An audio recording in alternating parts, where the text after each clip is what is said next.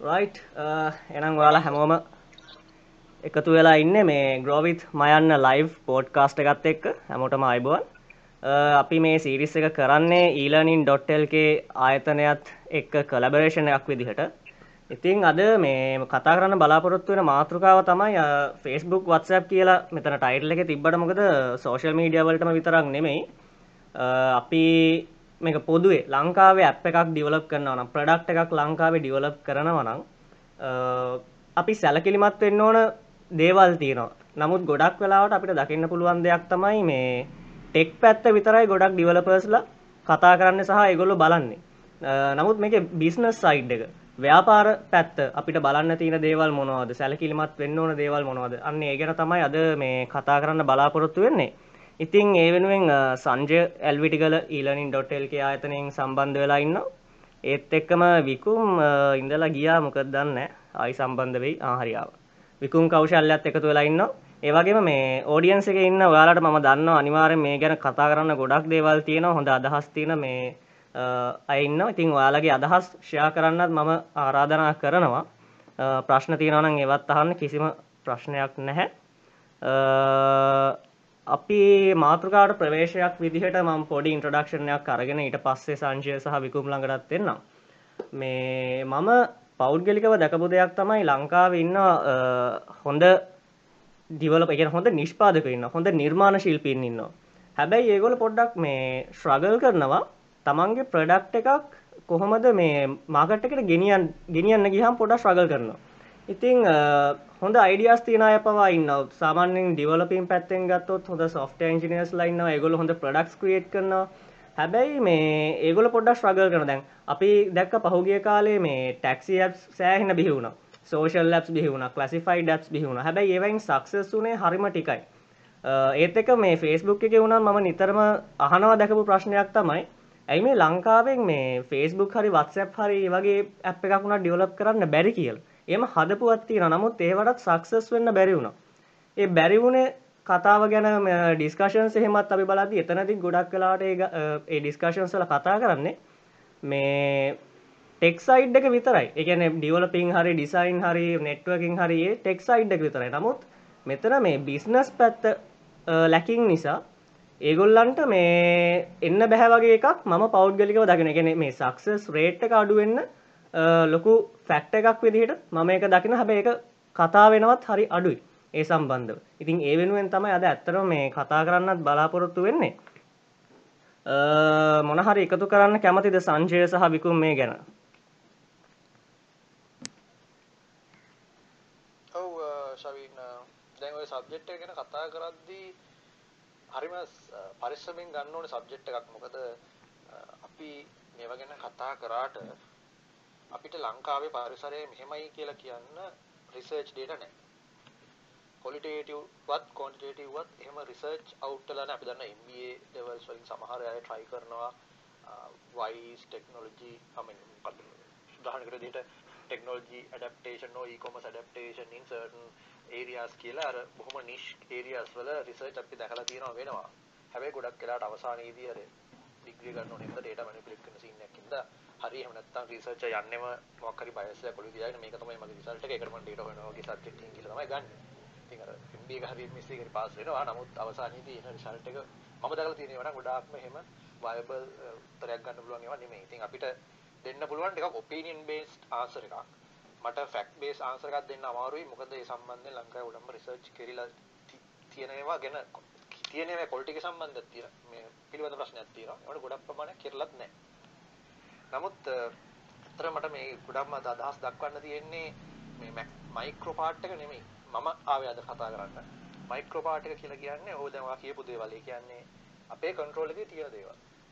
අපිට කන්ට්‍රෝල් කරන්න පුළුවන් දේවල්. අපි මා බිස්නස් එකේ මාකටිං පැත්ත නීඩ් ඇනාලිසිස් එක, ප්‍රොබ්ලම් අයිඩෙන්ටිෆිකේෂන් එක, ඒකට දෙන සොලියුෂන් එක, අපි කරන ප්‍රොටෝටයිප් එක, MVP එක ඔය ඔක්කොම ඒවා ඊට පස්සේ ඒක මාකට් කරන විදිය අපි කොහොමද යන්නේ මිනිස්සු අතරට යන විදිය ඒක පස්සේ ඒක ඉතින් යාට වැඩි දියුණු කරන විදිය මේ ඔක්කොම ගෙනෙන්නේ මයික්‍රෝ එන්වයරන්මන්ට් එකට මයික්‍රෝ බිස්නස් එන්වයරන්මන්ට් එකට කම්පියුටර්ස්ලත් එක්ක ඉමීඩියට් විසිනිටි එකකින්. ඉතින් මේ මේක නෙමෙයි මම අද කතා මම කතා කරන්න අතර මැක්‍රෝ පැත්ත. අපි ජීවත් වෙන රට වෙන ලංකාව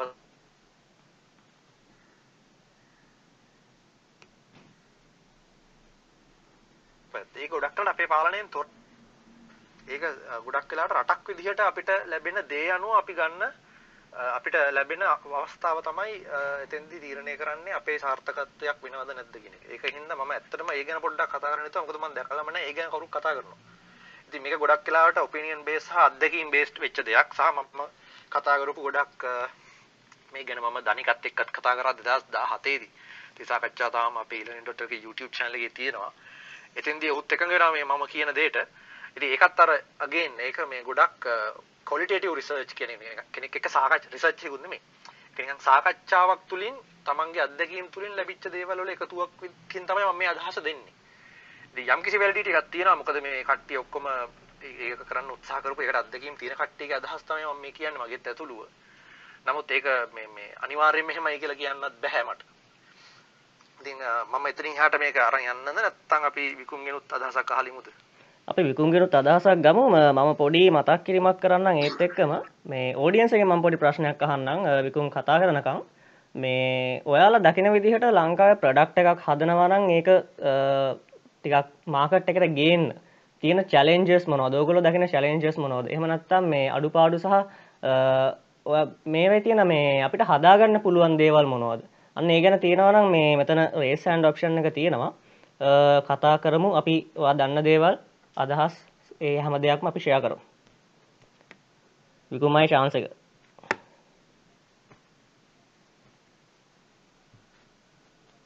විකුමයි මයික් එක මියුට් කරලා තියෙන්නේ.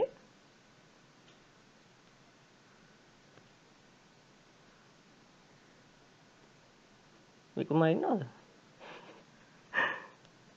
රයිට් අවුල නැහැ. විකුමයි පොඩ්ඩක් ආයි එනකම් මේ මම දකින දෙයක් තියෙනවා මේ අපේ ප්‍රඩක්් එකක් හදනකොට කීයෙන් කී දෙනාද මේ මල්ලක් කෙලියයි. දන්න බ්ලංගලෝර් කියල එක ගැන එම අදහසක් තියෙනවා. තො ප්‍රංශයේ ස්ටේෂන් ස්ටේෂන් කියලා. එම නැත්තං ඒ ස්ටේෂන් කියන ඒරියක අප ලංකාව කට්ට එහ ගිහිල්ල රඩි අප වෙලා ස්ටාට් වල ඉන්න ඉතින් ටෙක්නිකල් ඒ පැත්තත් මේක ගැන ටිකක් ප්‍රසිද්ධියක් උස්තුලනවා ඉතින් ඔන්න ඔය හබ්ස් ඔන්න ඔය අපේට කියනවා තිමිරි ගෙවල් කියලා. ඔන්න ඔය තැන් වලින් ගොඩාක් ලෝකේ හඳුනන බ්‍රෑන්ඩ්ස් ඉස්සරහට ඇවිල්ලා තියෙනවා. එතකොට ශවින් ඇවිල්ලා. ශවින් මම ඩිස්කනෙක්ට් වෙච්ච හින්දා පොඩ්ඩක් කතා කරන් ගියා ඉස්සරහට. හරි ප්‍රශ්න නැහැ. මේ විකුම් ඉන්නවද? විකුම් ඉන්නවා. ඔව් ඉන්නවා. හරි එන යන්නද විකුම්?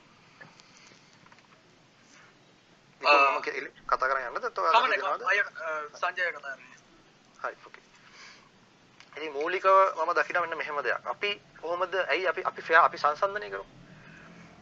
සංසන්දනය කරොත් ප්‍රධාන වශයෙන් මම දකිනවා මැක්‍රෝ ෆැක්ටර් එකක් විදිහට අපේ රටේ ජනගහනය. අපි ඇත්තට මිලියන 20ක මාකට් එකක්. මිලියන 20 වෙනුත් අපි දන්නවා ඔන්ලයින් ප්‍රොඩක්ට් එකක් බයි කරන්න. මෙච්චර කෝවිඩ් ප්‍රශ්නයක් ඇවිල්ලත් සේෆ්ම විදිහ මේ ඔන්ලයින් පේමන්ට්ස් බවට මිනිස්සුන් දැනගනිද්දිත් අපි දකිනවා තාමත් කඩවල වල පෝලිං ඒ ඕන තරම් ඕන තරම් දැන් මම මාසයක මාස ගානකින්වත් එළියට බහින්න මට අවශ්‍ය වෙන්නේ නැහැ මොකද ඔක්කොම ඔන්ලයින් ඕඩර් කරන්නේ. ඉතින් අන්න ඒ වගේ මානසිකත්වය තාම අපේ බහුතර මහජනයා තුල නැහැ. තාම සුළු ප්‍රමාණයක් තමයි අත්‍තරම මේ ඔන්ලයින් ඕඩරින් එක කරන්නේ. සාමාන්‍යයෙන් ක්‍රෙඩිට් කාඩ් ලා මම හිතන්නේ දැන් ඇති ලක්ෂ 7ක් 8ක් මේ ඔන්ලයින් ඕඩර් කරන්න කැමති මිනිස්සු ක්‍රෙඩිට් කාඩ් එක්ක. ඒතකොට මිලියන 20 මේ මේ මේ මිලියන 20ක ජනගහනයක් ඉන්නවා අපි. ඉතින් මිලියන එකක්ටත් මිලියනයක් විතර උපකීමක සුබවාදී වෙලා ඒක මිලියනයක් වගේ තමයි මේ ඔන්ලයින් වල පේමන්ට් එකක් කරලා මේ බඩු එහෙම ගන්න ඕකේ වෙච්ච කට්ටිය. එතකොට අන්න ඒ වගේ ජනගහනයක් එක්ක තමයි අපි අපේ ස්ටාර්ට්අප්ස් ලංකාව බේස් කරන්න හදන්නේ හැදෙන්න වෙන්නේ. ඒක පළවෙනි කාරණේ අපේ ඉන්න ජනගහනය සහ මාකට් එක පොඩි. අනිත් එක ජනගහ අපේ ජනතාව බයයි ඔන්ලයින් පේමන්ට් එකක් කරන්න. විවිධ හේතු කාරණා නිසා. ඒක එක. මම ටෙක් පැත්ත කතා කරන්නේ ස්ට්‍රික්ට්ලි. ඊට පස්සේ අනික් විදිහට අපි කතා කරොත් ක්‍රය ශක්තිය.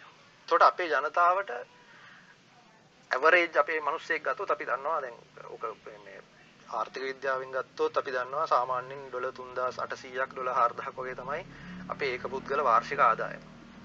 නමුත් ඒක ඒක විෂම විෂමයිනේ. ඒ කියන්නේ සමහර කට්ටියට ගොඩාක් තියෙනවා සමහර කට්ටියට එච්චර නැහැ.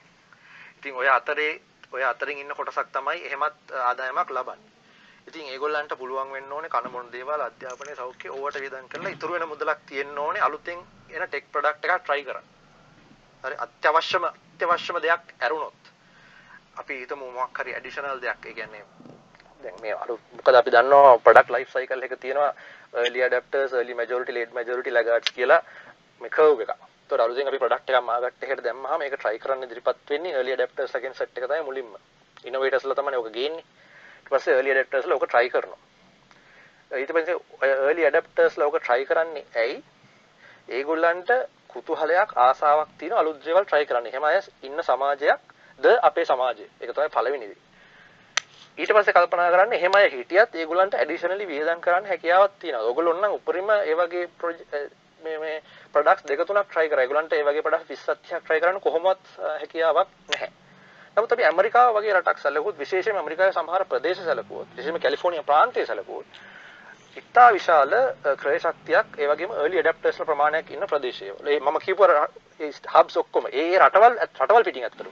ඒ රටවල් වලම අධ්‍යාපනයේ ඉඳන් සංස්කෘතියේ ඉඳන් අලුත් දේවල් හොයන්න ඒගොල්ලන්ගේ ලේවල තියෙනවා. ඕක මම විශ්වවිද්‍යාලේ ඉන්න කාලේ අපේ සර් කෙනෙක් ඕක ලස්සනට විස්තර කරා. ඇයි අවුරුද්දේ 365 දවසෙම අවුව ලැබෙන ස්වභාවික ව්‍යසන නැති හරිම සොඳුරු දේශගුණයක් තියෙන අපේ වගේ රටක ඉන්න මිනිස්සුන්ට මම කියන්නේ මෑත ඉතිහාසය වල ඇයි අපිට බැරි වුණේ මෑත ඉතිහාසයෙන් අවුරුදු 1000ක් විතර අපි ගමු.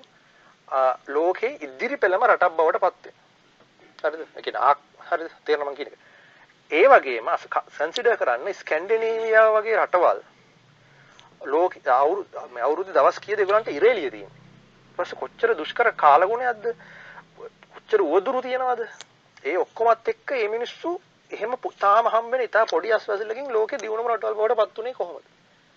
ඔන්න ඔය වෙනස හරියට මෙතුමා කියලා දුන්නා මම හිතන්නේ මම ඉගෙන ලොකුවට කතන කතා කරන්නේ නැහැ. නමුත් තේරුම් ගන්න මේ මිනිස්සු රිස්ක් එකක් ගන්න සිද්ධ වුණා මේ නිරන්තරයෙන් රිස්ක් එකකින් තමයි ඒගොල්ලෝ ජීවත් වෙන්න ගත්තේ. ඉතින් ඒගොල්ලෝ රිස්ක් ගන්න රිස්ක් එකක් ගන්නවා කියන එක නැතිනම්.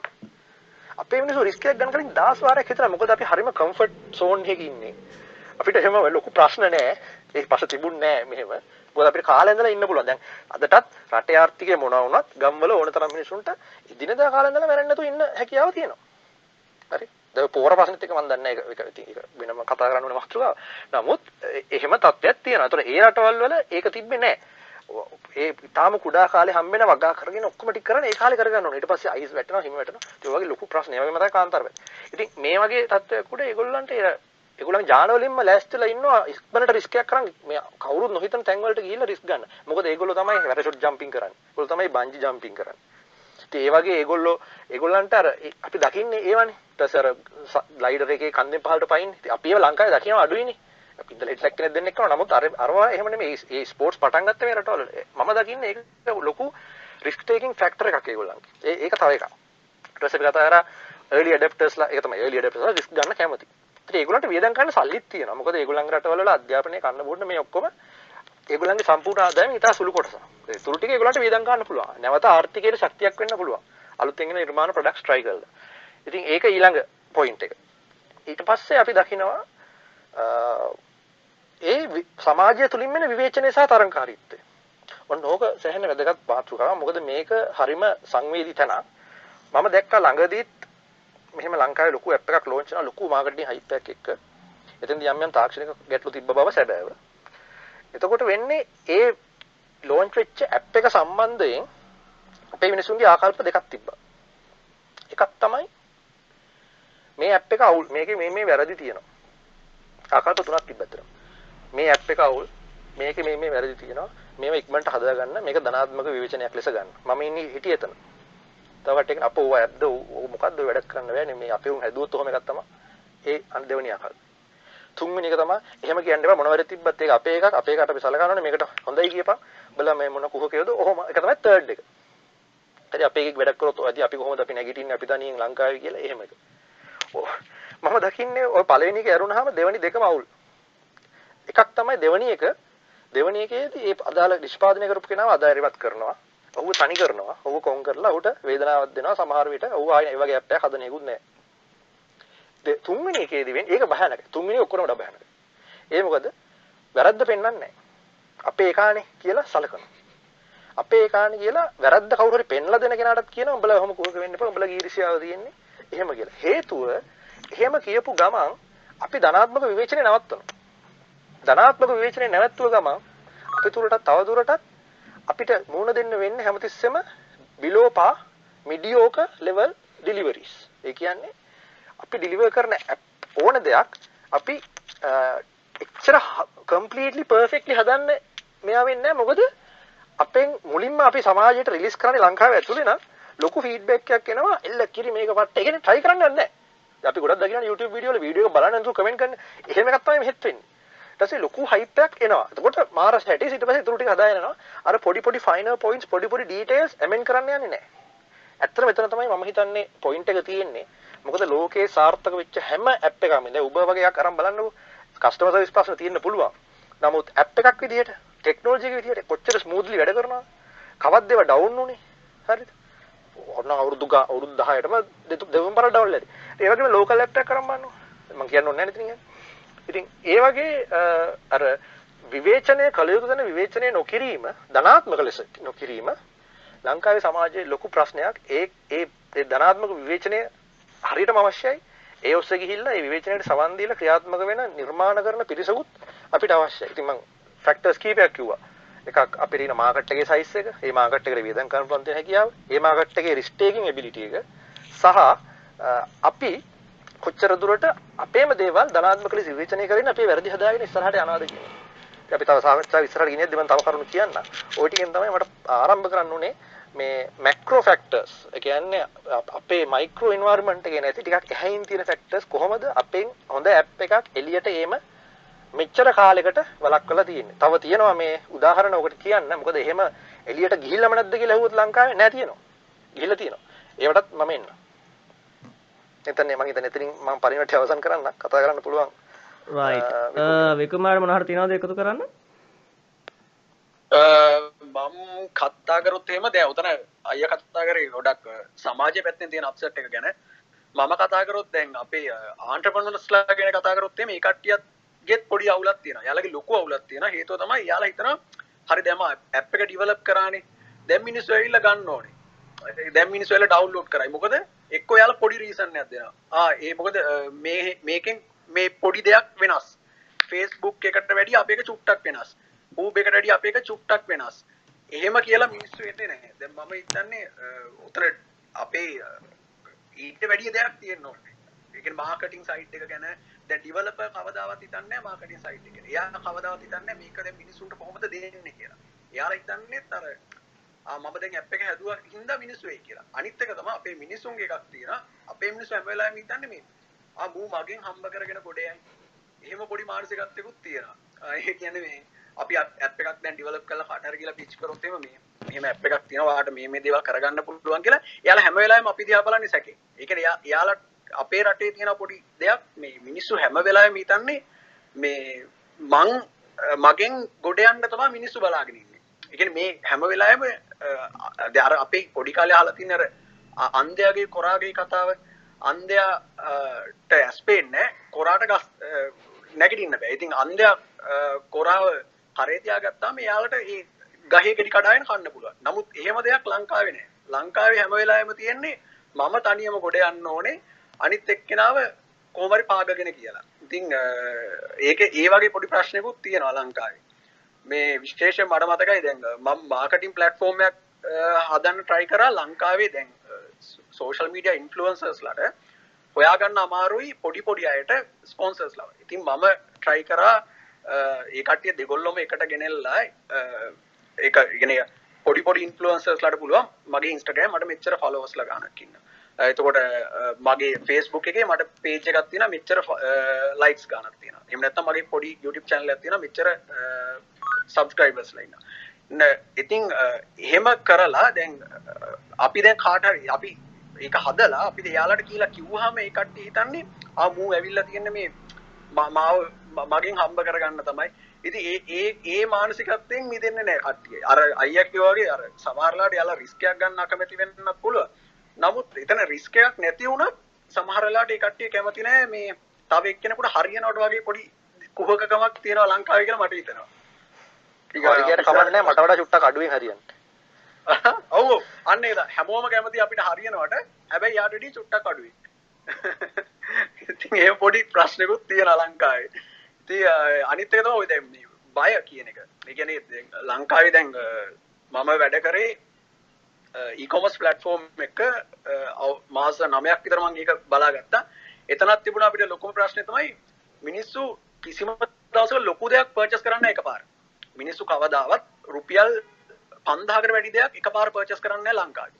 ලංකාවේ ඉස්සෙල්ලා යාලට ඕ අපිත් එකන යාල ඉස්සලම් ට්‍රයි කරන්න පොඩි දෙයක්. චූට දෙයක්. රුපියල් පන්සියක හයසියක වගේ දෙයක්. යාලට නැතුනට ප්‍රශ්නයක් නැති දෙයක්. ඉටවසද අපිට එහෙම දෙයක් තිබුණේ අපේ ඒකොමස් පලට්ෆෝර්ම් එක. එහෙම විකුණන්න. ඉතින් අපි කරේ මේ අලුත් අවුරුද්ධ ටාගට් කරලා කැලෙන්ඩර්ස් විකුණවා කැලෙන්ඩ එක ගන්න පුළුවන්. ඔයා කැලෙන්ඩ අපි ෆ්‍රී දෙනවා. ඔයා රුපියල් දහයක් අපිට ගෙවන්න අපි ඩිලිව කරන්න. අපි අපේ තන අරමුණ රුපියල් දහය ලබා ගන්න එක නෙවෙයි. යාලවර ප්‍රොසෙස් එක තරූ යවන්න එතකොට යාලට ඒකින් ගෙන විශ්වාසය අපිට යස් කරන්න පුළුවන් අපේ ප්‍රඩක්ට එකක් යාලට විකුණන්න. තිං ඒකටයක් සාර්ථකුණ ඇත්තරම ඊට පස්සේ අපේ සේල්ස් පොඩ්ඩක් වැඩි වුණ. ඉතින් මම කියන්න අර ඒ වගේ ලංකායි හැම වෙලාම මිනිස්සුන්ගේ විශ්වාසය දිනාගන්නත් පොඩි අමාරුකමත් තියෙන අපි ඉස්සරට කතාරණය හරි ස්ටේජකට සම්බන්ධ වුණා තව තුන්දෙනෙක් චරිත් පමෝද තිලින මොනහරි එකතු කරන්න තියෙනවා ද අදහස් ටිකක්?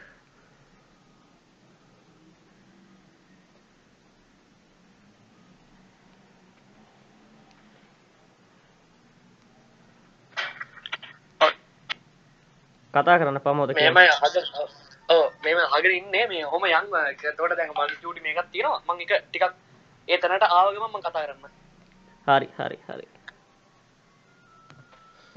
අර මැක්ටෝ ෆෙක්ටර්ස් වලට මම පොඩ්ඩක් තව ටිකක් ඇඩ් කරන්න. ඕක ලිලොන් මස්ගෙන් ඇහුවා ඉලොන් මස් අපි දන්නවා දකුණු අප්‍රිකාවේ ඉපදුනේ ඉගෙන ගත්ත දකුණු අප්‍රිකාවේ. කෙනෙක් අහනවා මේ ඇමරිකාවට නොගියා නම් ඔයාලට මේක සාර්ථකව කරගන්න පුළුවන්ද කියලා. ඉලොන් මස් කියන කොහෙත් මම දකුණු අප්‍රිකාවේ හිටියා නම් මම කැලේම පරවලා කැලේම කැලේම මේ පිපිලා කැලේම පල්වෙලා යනවා. මේ ඔක්කොම හරි ගියේ land of dreams ඇමරිකාවට ආපු නිසා කියලා. ඒ කියන්නේ ඒ කල්චරල් බෑග්ග්‍රවුන්ඩ් එක එන්වයරන්මන්ට් එක මිනිස්සුන්ගේ සිතුම් පැතුම් මේ ඔක්කොම අලුත් දෙයකට නැගිටින්න තැනක් තියෙන්නේ ඒ වගේ අර ඒරියා එක කියන එක. මොකද අපි ෂාක් ටැන්ක් බැලුවා නම් ඔයගොල්ලෝ ෂාක් ටැන්ක් බලලා නැත්තම් බලන්න. ෂාක් ටැන්ක් වලත් ඔයගලන්ට තේරෙනවා ඇති එතනට ව්‍යාපාරිකයින්ගෙන් ගොඩක් දෙනෙක් දැනටමත් යම් කිසි සාර්ථකත්වයක් ලබාගත්ත කට්ටිය තමයි ෂාක් ටැන්ක් එකට එන්නේ. ඒගොල්ලන්ට ඊළඟ ස්ටෙප් එක තියාගන්න තමයි ෂාක්ස් ලගෙන් සල්ලි ඉල්ලන්නේ. එහෙම දේවල් තමයි ගොඩක් ආවේ. එහෙම නැතිව තිබ්බා. එතකොට ඒ යම්කිසි සාර්ථකත්වය අපි සලකලා බැලුවොත් හොඳට ඒ හොඳට බලන් හිටියනම් ඒ යම්කිසි සාර්ථකත්වයක් ඇති ඒගොල්ලන්ට හොඳ ස්ට්‍රෝං මේ ෆවුන්ඩේෂන් එකක් හදාගන්න. ඒගොල්ලන්ට නැෂනල් ලෙවල් යන්න එහෙම නැත්නම් අලුත් ප්‍රොඩක්ට් ලොන්ච් එකකට ඒක ලොකු පිම්මක් පයින්න තමයි මේ ෂාක්ස්ලා ඕනේ. ෂාක්ස්ලා කියන්නේ ඉන්න ඉන්වෙස්ටර්ස්ලාගෙන් ඉන්වෙස්ට්මන්ට් එකක් ඕනේ. නමුත් ඒගොල්ලෝ දැනට ඉන්න ප්‍රමාණය ඉන්න ඉන්නතර හොඳයි. ඒකට හේතුව අර මං කියපු early adaptersලා ම විශාල ප්‍රමාණයක් ඉන්න මොකද ජනගහනයත් ලොකු මාකට් මේක ලොකු මාකට් එකක්. ජනගහනයත් වැඩි. early adaptersලා මේ අර මල්ලි කිව්වා වගේ දැන් පොඩි ගණන්නේ විදන් කරන්නේ මිනිස්සු කම එහෙම නෑ රටේ. එතකොට ඒ ඔස්සේ මොකද ඒ රටේ විශේෂයෙන් ස්ටාර්ට්අප් ප්‍රොඩක්ට්ස් නෝමල් ප්‍රොඩක්ට්ස් වලට ගණන් වැඩි ගතියක් තියෙනවා. ප්‍රීමියම් එකක් තියෙනවා. කියන්නේ අලුතෙන් කම්පැනි එකකින් එන ප්‍රොඩක්ට් එකක් ඇත්තටම ගණන් වැඩි. නෝමල් මාකට් එකේ තියෙන ප්‍රොඩක්ට් වලට වඩා ගොඩක් මේ ගොඩක් ඒවයි ඉතින් අර ඒ early adapters සෙට් එකම enough ඔයාගේ බිස්නස් එක සෑහෙන තැනකට ගේන්න. ඉතින් ඒකයි land of dreams entrepreneurs ලට ඒ කියන්නේ entrepreneurs ලට ලේසියෙන්ම ඊළඟ ස්ටෙප් එකට යන්න පුළුවන්. අනිත් එක ඒ ඒ තියෙන ප්‍රදේශවල වල දැන් අපේ ලංකාවේ දැන් මේ ක්ලබ් හවුස් කල්චර් එක ඒක හදාගන්න පුළුවන් නම් හොඳයි. මේක හොඳ තැනක් ඒක හදාගන්න. මේ වෙන්නේ ඒක තමයි මේ අපි කතා කරන්නේත් එහෙම දෙයක්. මම ඇවිල්ලා තව කෙනෙකුට අයිඩියා එකක් කිව්වොත් ඒ අයිඩියා එක ගිහිල්ලා අනිත් කෙනා හොරකම් කරයිද ඒක හදයිද කියන මොරිය එක නෙමෙයි ඒගොල්ලන්ට තියෙන්නේ. අනිත් අය හැමෝම මේකට අයිඩියාස් දාලා ඒක මේ ප්‍රොමෝට් කරලා ඒක රිෆයින් කරලා ගන්න කතාවක් තමයි එහෙ තියෙන්නේ. දැන් මට ඕනනම් ඔයාගේ එකත් එක්ක කම්පීට් කරන්න ගොඩක් වෙලාවට එතෙන්දි කම්පීට් එක එහාට ගිහලා කොලැබොරේෂන් එකක් බවට එකපත් වෙනවා. ඊට අමතරව අපි දෙන්නම අදහස් වමරු කරලා ඒක එහෙම වැඩි දියුණු කරන්න උත්සාහ කරනවා. ඉතින් අර එකිනෙකත් එක්ක මේ ලංකාවේ පොඩි මාකට් එකක් ඇතුළේ අපි මේ මොකටද කොයකාගෙන අපි යන්න ඕනේ ලෝකෙට. ලෝකේ තියෙන ඕන තරම් ලොකු මාකට් හැමෝටම ලොකු කේක් කෑල්ලක් හම්බ වෙනවා. ඉතින් මේක ඇතුලේ අපි එහෙම එක එක්කෙනා ගැන හිතන්නේ නැතුව අපිට එකතු වෙලා අපිට පුළුවන් නම් ප්‍රොඩක්ට් දියුණුවක් මොකක් හරි හොඳ කම්බිනේෂන් කම්බයින් වෙලා හොඳ ප්‍රොඩක්ට් එකක් ලොන්ච් කරන්න ඒක අපිට ලොකු දෙයක් වෙයි. ඉතින් අර ඉලොන් මස්ක්ගේ උදාහරණය ගත්තේ මේක ඔහුත් අනුමත කරලා තිබ්බ කතාවක්. ඊට පස්සේ මම දැන් තව පැත්තකින් ගත්තොත් මම කිව්වා ලංකාවෙන් එළියට ගියව නැද්ද කියලා ඇහුවා නෑ තියෙනවා. ඒවත් හැබැයි පොදු ලක්ෂණ ටිකක් තියෙනවා. ලංකාවෙන් එළියට ගිය මේජර් ප්‍රොඩක්ට් එකක් ගත්තොත් මම දකිනවා මේ ළඟදී ඒ ආසියා ආසියා ශා නෑ ඕස්ට්‍රේලියා පැත්ත නෝනද කියන්නේ. කොහොමද ඕස්ට්‍රේලියා ඒ ඒ ප්‍රදේශය ඒ ඒ ඒ ආසියා ශාන්ති ආසියා ශාන්ති ආසියා ශාන්තිකර වෙන්න පුළුවන් නේ. ඔව්. ආසියා ශාන්තිකර ඒෂියා පැසිෆික් හරි ඒ රීජන් එකේම টොප් 10 ඇප්ස් වලට ආවා ඒක. මොකක්ද නෝ ක්‍රියේට්ලි. ඒක ක්‍රියේට්ලි කියන්නේ ලංකාවේ ෆවුන්ඩර් කෙනෙක් ඉන්න ලංකාවේ කට්ටිය හදපු ඇප් එකක්. දැන් ඒක ඕස්ට්‍රේලියා බේස් කරන් තියෙන කම්පැනි එක. ඉතින් අන්න ඒක දැන් ලංකාවෙම නෙමෙයි තියෙන්නේ. හොඳේ. ඊට පස්සේ අපි ගමු මොකක් හරි දැන් ලංකාවේ අලුත් ප්‍රොඩක්ට්ස් කීපයක් එනවා දැන් බානුක හරිශ්චන්ද්‍ර ගෝල දන්නවනේ යා යම් කිසි ප්‍රොඩක්ට්ස් එකක් ලොන්ච් කරනවා මම මොන්ට කරගෙන ඉන්නේ මේ දවස්වල ඒවත් අපේ ලංකාවේ තමයි හැදෙන්නේ ඇප් එක. නමුත් ලංකාවටෙන් එළිය සම්බන්ධයක් තියෙනවා ඒවට. ඒ කියන්නේ ලංකාව ඇතුළෙම 100% මේ ස්කෝප් එකකින් වට වෙච්ච මේ එන්වයරන්මන්ට් එකක් නෙමෙයි තියෙන්නේ. අනිවාර්යෙන් ලංකාවෙන් එළියේ කවුරු හරි ඉන්නවා ඒගොල්ලන්ත් එක්ක සම්බන්ධ වෙලා. එක්කෝ ඒ මේ මේ මේ කවුරු හරි පාර්ට්නර් කෙනෙක් ඒ කියන්නේ මේ අපි කියනවා මේ මේ ස්ටොක් හෝල්ඩර් කෙනෙක්. හරි ඉක්විටි හෝල්ඩර් කෙනෙක්. එහෙම නැත්නම් මොකක් හරි එහෙම තියෙනවා. ඒ කියන්නේ දැන් අපි ලංකාවේ ගත්ත ප්‍රධාන IT කම්පැනිස් ගත්තත් මේ හැම එකක්ම වෙන රටක යම් කිසි සම්බන්ධයක් තියෙනවා. ඒ කියන්නේ මොකද? ගොඩක් වෙලාවට කස්ටමර්ස්ලා ඉන්නේ එහෙන්. ඒ අනිත් රටවල වලින්. එතකොට අනිවාර්යෙන් එක්කෝ යම් කිසි එක්කෝ එක්කෝ එක ෆවුන්ඩර් කෙනෙක් එහෙ ඉඳලා ඉගෙනගෙන මෙහෙවි. එක්කෝ එක ෆවුන්ඩර් කෙනෙක් ඒ බාගෙට පොඩිට කම්පැනි එක ආරම්භ කරලා ඩිලිවරි එක ෆැක්ටරි එක මෙහෙ දාලා වගේ කන්සෙප්ට් එක. ඉතින් යම් කිසි අන්න ඒ වගේ එකක් එක්ක තමයි එන්නේ. මම මම දන්නේ මම වැරදි නම් නිවැරදි කරන්න ඕගොල්ලෝ දන්නවනම් එහෙම කම්පැනියක් මට තාම හම්බුනේ නෑ ලංකාවේ ඇතුළෙම පටන් අරන් තාමත් ලංකාව ඇතුළේ ඉඳන් ලංකාවෙන් එළියට ගිය එකක් නිකන් දර්ශනිකව එන ගහනවා වගේ හොඳට මේ වගේ ක්ලබ් හවුස් වගේ එකපාරට ලංකාවෙන් එළියට මෙන්න මේ මේ වෛරල් වෙලා ගිය ඇප් එකක් මට තාම හම්බෙලා නෑ මම වැරදි නිවැරදි ගන්න. ඒ වගේම මට දැනගන්න ආසයි. ඉතින් අර ඒ වගේ පොඩි ලිමිටේෂන්ස් ටිකක් මම දකිනවා අපිට චැලෙන්ජ් එකක් වෙන. දැන් ඔය IT පාක්ස් කියන සංකල්පය ආවා. දැන් මරදානි තියෙන එකක්. දැන් ඉස්සරහට ප්ලෑන් කරලා තියෙනවලු රජයෙන් හදන්න මෙහෙම මෙහෙම IT පාක්ස් ටිකක්. ඉතින් IT පාක්ස් කියන කන්සෙප්ට් එක හරහා අපිට පුළුවන් නම් හරි ඉකෝසිස්ටම් එකක් හදන්න ඒ ඒ ආයතන වලට එකතු වෙලා හොඳ හොඳම කට්ටිය අරගෙන ඒ වගේ ලොකු ප්‍රොඩක්ට් එකක් එළියට දාන්න. ඉතින් හොඳම කට්ටිය කියද්දිත් මට එතනත් කමෙන්ට් එකක් තියෙනවා. මොකද හොඳම කට්ටිය කියලා අපි අදහස් කරන්නේ කවුද කියන්නේ? දැන් අපි ගමුකෝ අපි අලුතින් ස්ටාර්ට්අප් එකක් පටන් ගන්නවා. ගොඩක් වෙලාවට කැම්පස් එකෙන් අවුට් වෙච්ච ගම තමයි ඒක පටන් ගන්නේ. ආ අතන අර ලංකාවේ ඉඩිය කම්පැනිස් වල තව කම්පැනි දෙන ඇරිමැක්. ඊට පස්සේ ඒතර අර එහෙම කම්පැනි එකතු වෙලා තමයි කියන පොඩි අපි කොල්ල සෙට් එකක් එකතු වෙලා පටන් ගන්නවා. එතකොට ඒගොල්ලෝ ගොඩක් වෙලාවට අවුරුදු 20 18 22 23 වගේ කට්ටිය. අපි හිතමු මේ ස්ටාර්ට්අප් එක පටන් ගත්තා කියලා. ස්ටාර්ට්අප් ෆේල් වෙන එක වෙනම කතාවක්. ඒව ගැන මෙතන මම කතා කරන්නේ නැහැ. මැක්‍රෝ ෆැක්ටර්ස් තමයි ගොඩක් කතා කරන්නේ. එතකොට ඒ ෆවුන්ඩර්ස්ලා ටික එකතු වෙලා යමක් කරන්න උත්සාහ කරනවා. ඒගොල්ලන්ට යම් දැනුමක් තියෙනවා. හැබැයි දැනුම ඒ වැඩේට විතරයි ඒ කියන්නේ ඒ වැඩේ අන්තම් ගොඩ දාගන්න තියෙන දැනුම මොකද ඒගොල්ලන්ගේ වයසත් එක්ක ඒගොල්ලන් තියෙන එක්ස්පීරියන්ස් එකත් එක්ක මේක මේ දැනුම එහෙම ලොකුවට ගන්න හැකියාවක් තාම ඒගොල්ලන්ට නැහැ. හරිද? ඉතින් ඒගොල්ලෝ යම් කිසි ප්‍රොඩක්ට් එකක් හදලා ඒගොල්ලෝ ඒක ලොන්ච් කරනවා. එතකොට එනවා ඩීප් නොලෙජ් ප්‍රශ්නයක්. ඒ මොකක්ද? ඩීප් නොලෙජ් කියන මම මෙහෙම කියන්නේ. අපි හැමෝම දන්නවා වෙබ්සයිට් එකක් හදන්න. අපි හිතමුකෝ අපේ ප්‍රොඩක්ට් එක වෙබ්සයිට් එකක් කියලා. අපි දන්නවා වෙබ්සයිට් එක හදන්න. අපි දන්නවා ඒකේ රික්වයර්මන්ට්ස් අපි දන්නවා ෆන්ක්ෂනැලිටි.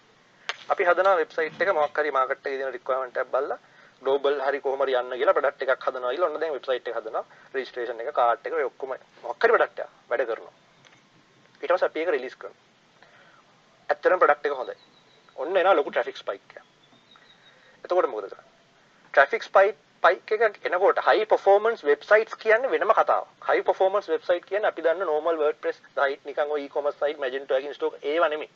හයි පර්ෆෝමන්ස් වෙබ්සයිට් එක මැනේජ් කරන්න වෙනම knowledge base එකක් වෙනම knowledge එකක් තියෙන deep knowledge තියෙන set එකක් ඕනේ.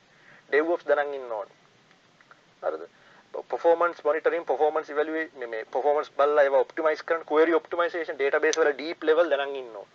එතකොට ඒ වගේ knowledge එකක් අනිවාර්යෙන් මේ කට්ටියට නැති බව අපිට කියන්න පුළුවන් මොකද ඒගොල්ලන්ගේ එක්ස්පෝසර් එක එක්ස්පීරියන්ස් එක තාම අඩුයි. තාමත් ඒක ගෙන ගමන ගමන් ඉන්නේ. එතකොට ඒ වගේ වෙලාවට කවුද උදව් කරන්න එන්නේ? එක්ක අපිට ලොකු ගාණක් දීලා ලොකු ඉන්වෙස්ට්මන්ට් එකක් කරලා කෙනෙක්ව ගන්න වෙනවා. ඒක දන්න. කියන්නේ අවුරුදු 30 30ක 40ක වගේ ඒ එක්ස්පීරියන්ස් එකේ නොලෙජ් එක තියෙන එක්කින්. නමුත් එයාට ගෙවන්න මේගොල්ලන්ට සල්ලි තියෙනවා. නෑ. ස්පයිරලේෂන් වගේ ප්‍රෝග්‍රෑම් එකක් ගත්තත් හම්බ වෙන්නේ 1 මිලියන්. මාස දෙකක් තුනක් පඩි ගෙවන්න පුළුවන් ඒ වගේ මිනිස්සුන්ට. එතකොට අර growth එක handle කරගෙන යන්නේ කොහොමද? ඉතින් ඔන්න ඕවා තමයි challenges. ඉතින් ඔය challenges ටිකට face කරන්න හරි විදියක් හොයාගන්න ඕනේ. අත අර වගේ ඒ වගේම හොඳටම දන්නවා. කියන්නේ හොඳටම දැනුම තියෙන අය කැම්පස් එකෙන් අවුට් වෙච්චම ගොඩක් වෙලාවට ලොකුම කම්පැනිස් ටික ඇවිල්ලා අරන් යනවා. ඒක අපි දන්න සත්‍යයන්නේ. ලොකුම කම්පැනිස් වලින් ඇවිල්ලා හොඳ ගාණක් ඔෆර් කරලා අරන් යනවා. ඒක වැරද්දක් නැහැ. නමුත් අර වගේ පොඩි සෙට් එකක් එහෙම කරනවා නම් අර ඩීප් නොලෙජ් කියන බැරිය එකට ආපු ගම ගොඩාක් වෙලාවට එතනින් හරියට ෆේල් වෙනවා. එතනින් හරියට ඒගොල්ලන්ට ඇප්ලිකේෂන් එක ඒ ඉකෝසිස්ටම් එක බිස්නස් එක ස්කේල් කරගන්න බැරි වෙනවා. ටෙක්නිකල් පැත්තෙනුත්. ඉතින් එතෙන්දී ඒ ප්‍රොඩක්ට්ස් ෆේල් වෙනවා, එපා වෙනවා, ෆ්‍රස්ට්‍රේට් වෙනවා, වැටෙනවා. ඉතින් ඒක නවත්ත ගන්නත් අපිට අවශ්‍යයි. මොකද අපි එහෙම වෙන්නේ දැන්. දැන් ඒ රටවල් වල නම් ගොඩක් වෙලාවට එහෙම උදාහරණයක් ගමුකෝ. අවුරුදු 5 10 ඉඳන් ඒගොල්ලෝ කම්පියුටර්ස් වල හැකින් පවා කියන්නේ අවුරුදු 10 15 වෙනකොට ඒගොල්ලෝ දන්නවා සෑහෙන දෙයක් කම්පියුටර් කරන කමාන්ඩ් ලයින් එක. අපි මේ Windows 7 ගා ඉන්නවා යූසර් ඉන්ටර්ෆේස් එකක් එක. එහෙම නෑ ඒගොල්ලෝ. මම කියන්නේ උඩට ගිය අර කට්ටිය හොඳ Uh, ඒගොල්ලෝ කමාන්ඩ් ලයින් එකෙන් කෙලිම වැඩ. ආයි කෝඩ් එක ගැව්වා අරක ඊළඟ ගැව්වා ඊළඟ පට පට කරා ආයි කෝඩින් nothing. ඉතින් අවුරුදු 10ක 15ක එක්ස්පීරියන්ස් එකක් එක තමයි. කියන්නේ අවුරුදු at least 5ක එක්ස්පීරියන්ස් එකක් එක තමයි ඒගොල්ලෝ අවුරුදු 18 ලබන්නේ. ඕල්රෙඩි අවුරුදු 5ක එක්ස්පීරියන්ස් එකක් පිටිපස්සේ තියෙනවා. අපේ කට්ටිය නෙමෙයි. අපිට 18 ඉඳන් පටන් ගන්න 21 විතර ඔන්න අපි ඇප් එක ලොන්ච් කරගන්න. අපිට අවුරුදු 3ක විතර එක්ස්පීරියන්ස් එකක් තියෙයි මදි. මදි. අර අතනින් ඉඳන් පටන් ගත්තා නම් අවුරුදු 20 20 කියනකොට ඔන්න අවුරුදු 8ක 10ක එක්ස්පීරියන්ස් තියෙන පොරවල් සෙට් එකක් මේ ඉන්නේ තරුණ කොල්ලෝ ටික හැම පැත්තම ඩීප් දන්නවා. ඉතින් ඉතින් මොනවද කරන්න බැරි? ඔක තමයි මට කියන්න තිබ්බදේ? හරි මිල්හාන්ට මොනහරි තියෙනවද ෂයා කරන්න අපිත් එක්ක? Thank you very much uh, uh, yeah මම පොඩ්ඩක් පොඩි දෙයක් ඇඩ් කරන්න කැමතියි. ඉලොන් මස්ක් ගැන කතා කරපුවාම ඉලොන් මස්ක් එයාගේ එයාට හම්බ වෙච්ච PayPal වලින් 100 මිලියන් වලින් එයා කළේ ටෙස්ලා වගේ ටෙස්ලා එකට 100 100 මිලියන් එතකොට 180 වලින් 100 100 මිලියන් ටෙස්ලා එකට SpaceX එකට 70 මිලියන් ඒ වගේ ඉන්වෙස්ට් කරලා එයා සම්පූර්ණයෙන්ම එයාගේ එයාගේ කන්සෙප්ට් එක මොකක්ද කියලා කිව්වා නම් සම්පූර්ණයෙන් ඩිෆරන්ට් කන්සෙප්ට්. ඒ කියන්නේ කටව කවුරුත් හිතන්නෙම නැති කන්සෙප්ට් වලට එයා හිතන්නේ. ඔය PayPal එක වුණත් එයා පටන් ගත්තේ ඉන්ටර්නෙට් එකේ පේමන්ට් මූව් කරන්න. දැන් Bitcoin එක හා සමානව මූව් කරන්න පුළුවන් සිස්ටම් එකක් තමයි PayPal එකෙන් එයා හැදුවේ.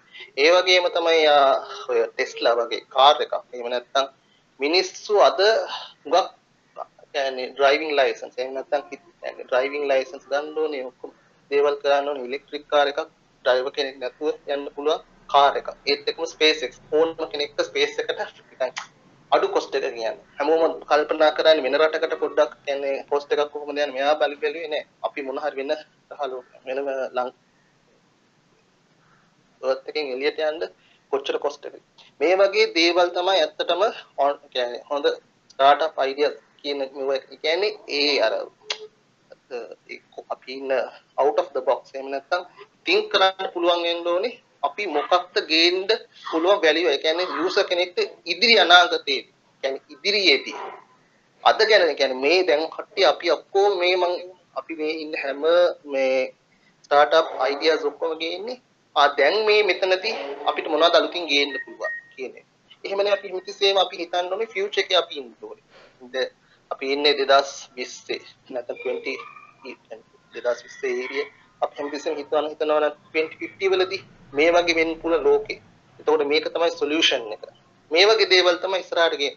ක්ලබ් හවුස් එකත් එක්තරා අන්දමක හොඳ මමත් මමත් මේ ෆස්ට් ටයිම් මේකට ජොයින් වෙන්නේ ක්ලබ් හවුස් එකත් එක්තරා අන්දමක සෝෂියල් ප්ලැට්ෆෝම්ස් වලින් පරිබාහිර. ඒ කියන්නේ මේකේ තියෙන තන්කරම ඔඩියෝ සිස්ටම් ඔඩියෝ එකක් විතරයි. ඒ කියන්නේ කිසිම වීඩියෝස් නැහැ.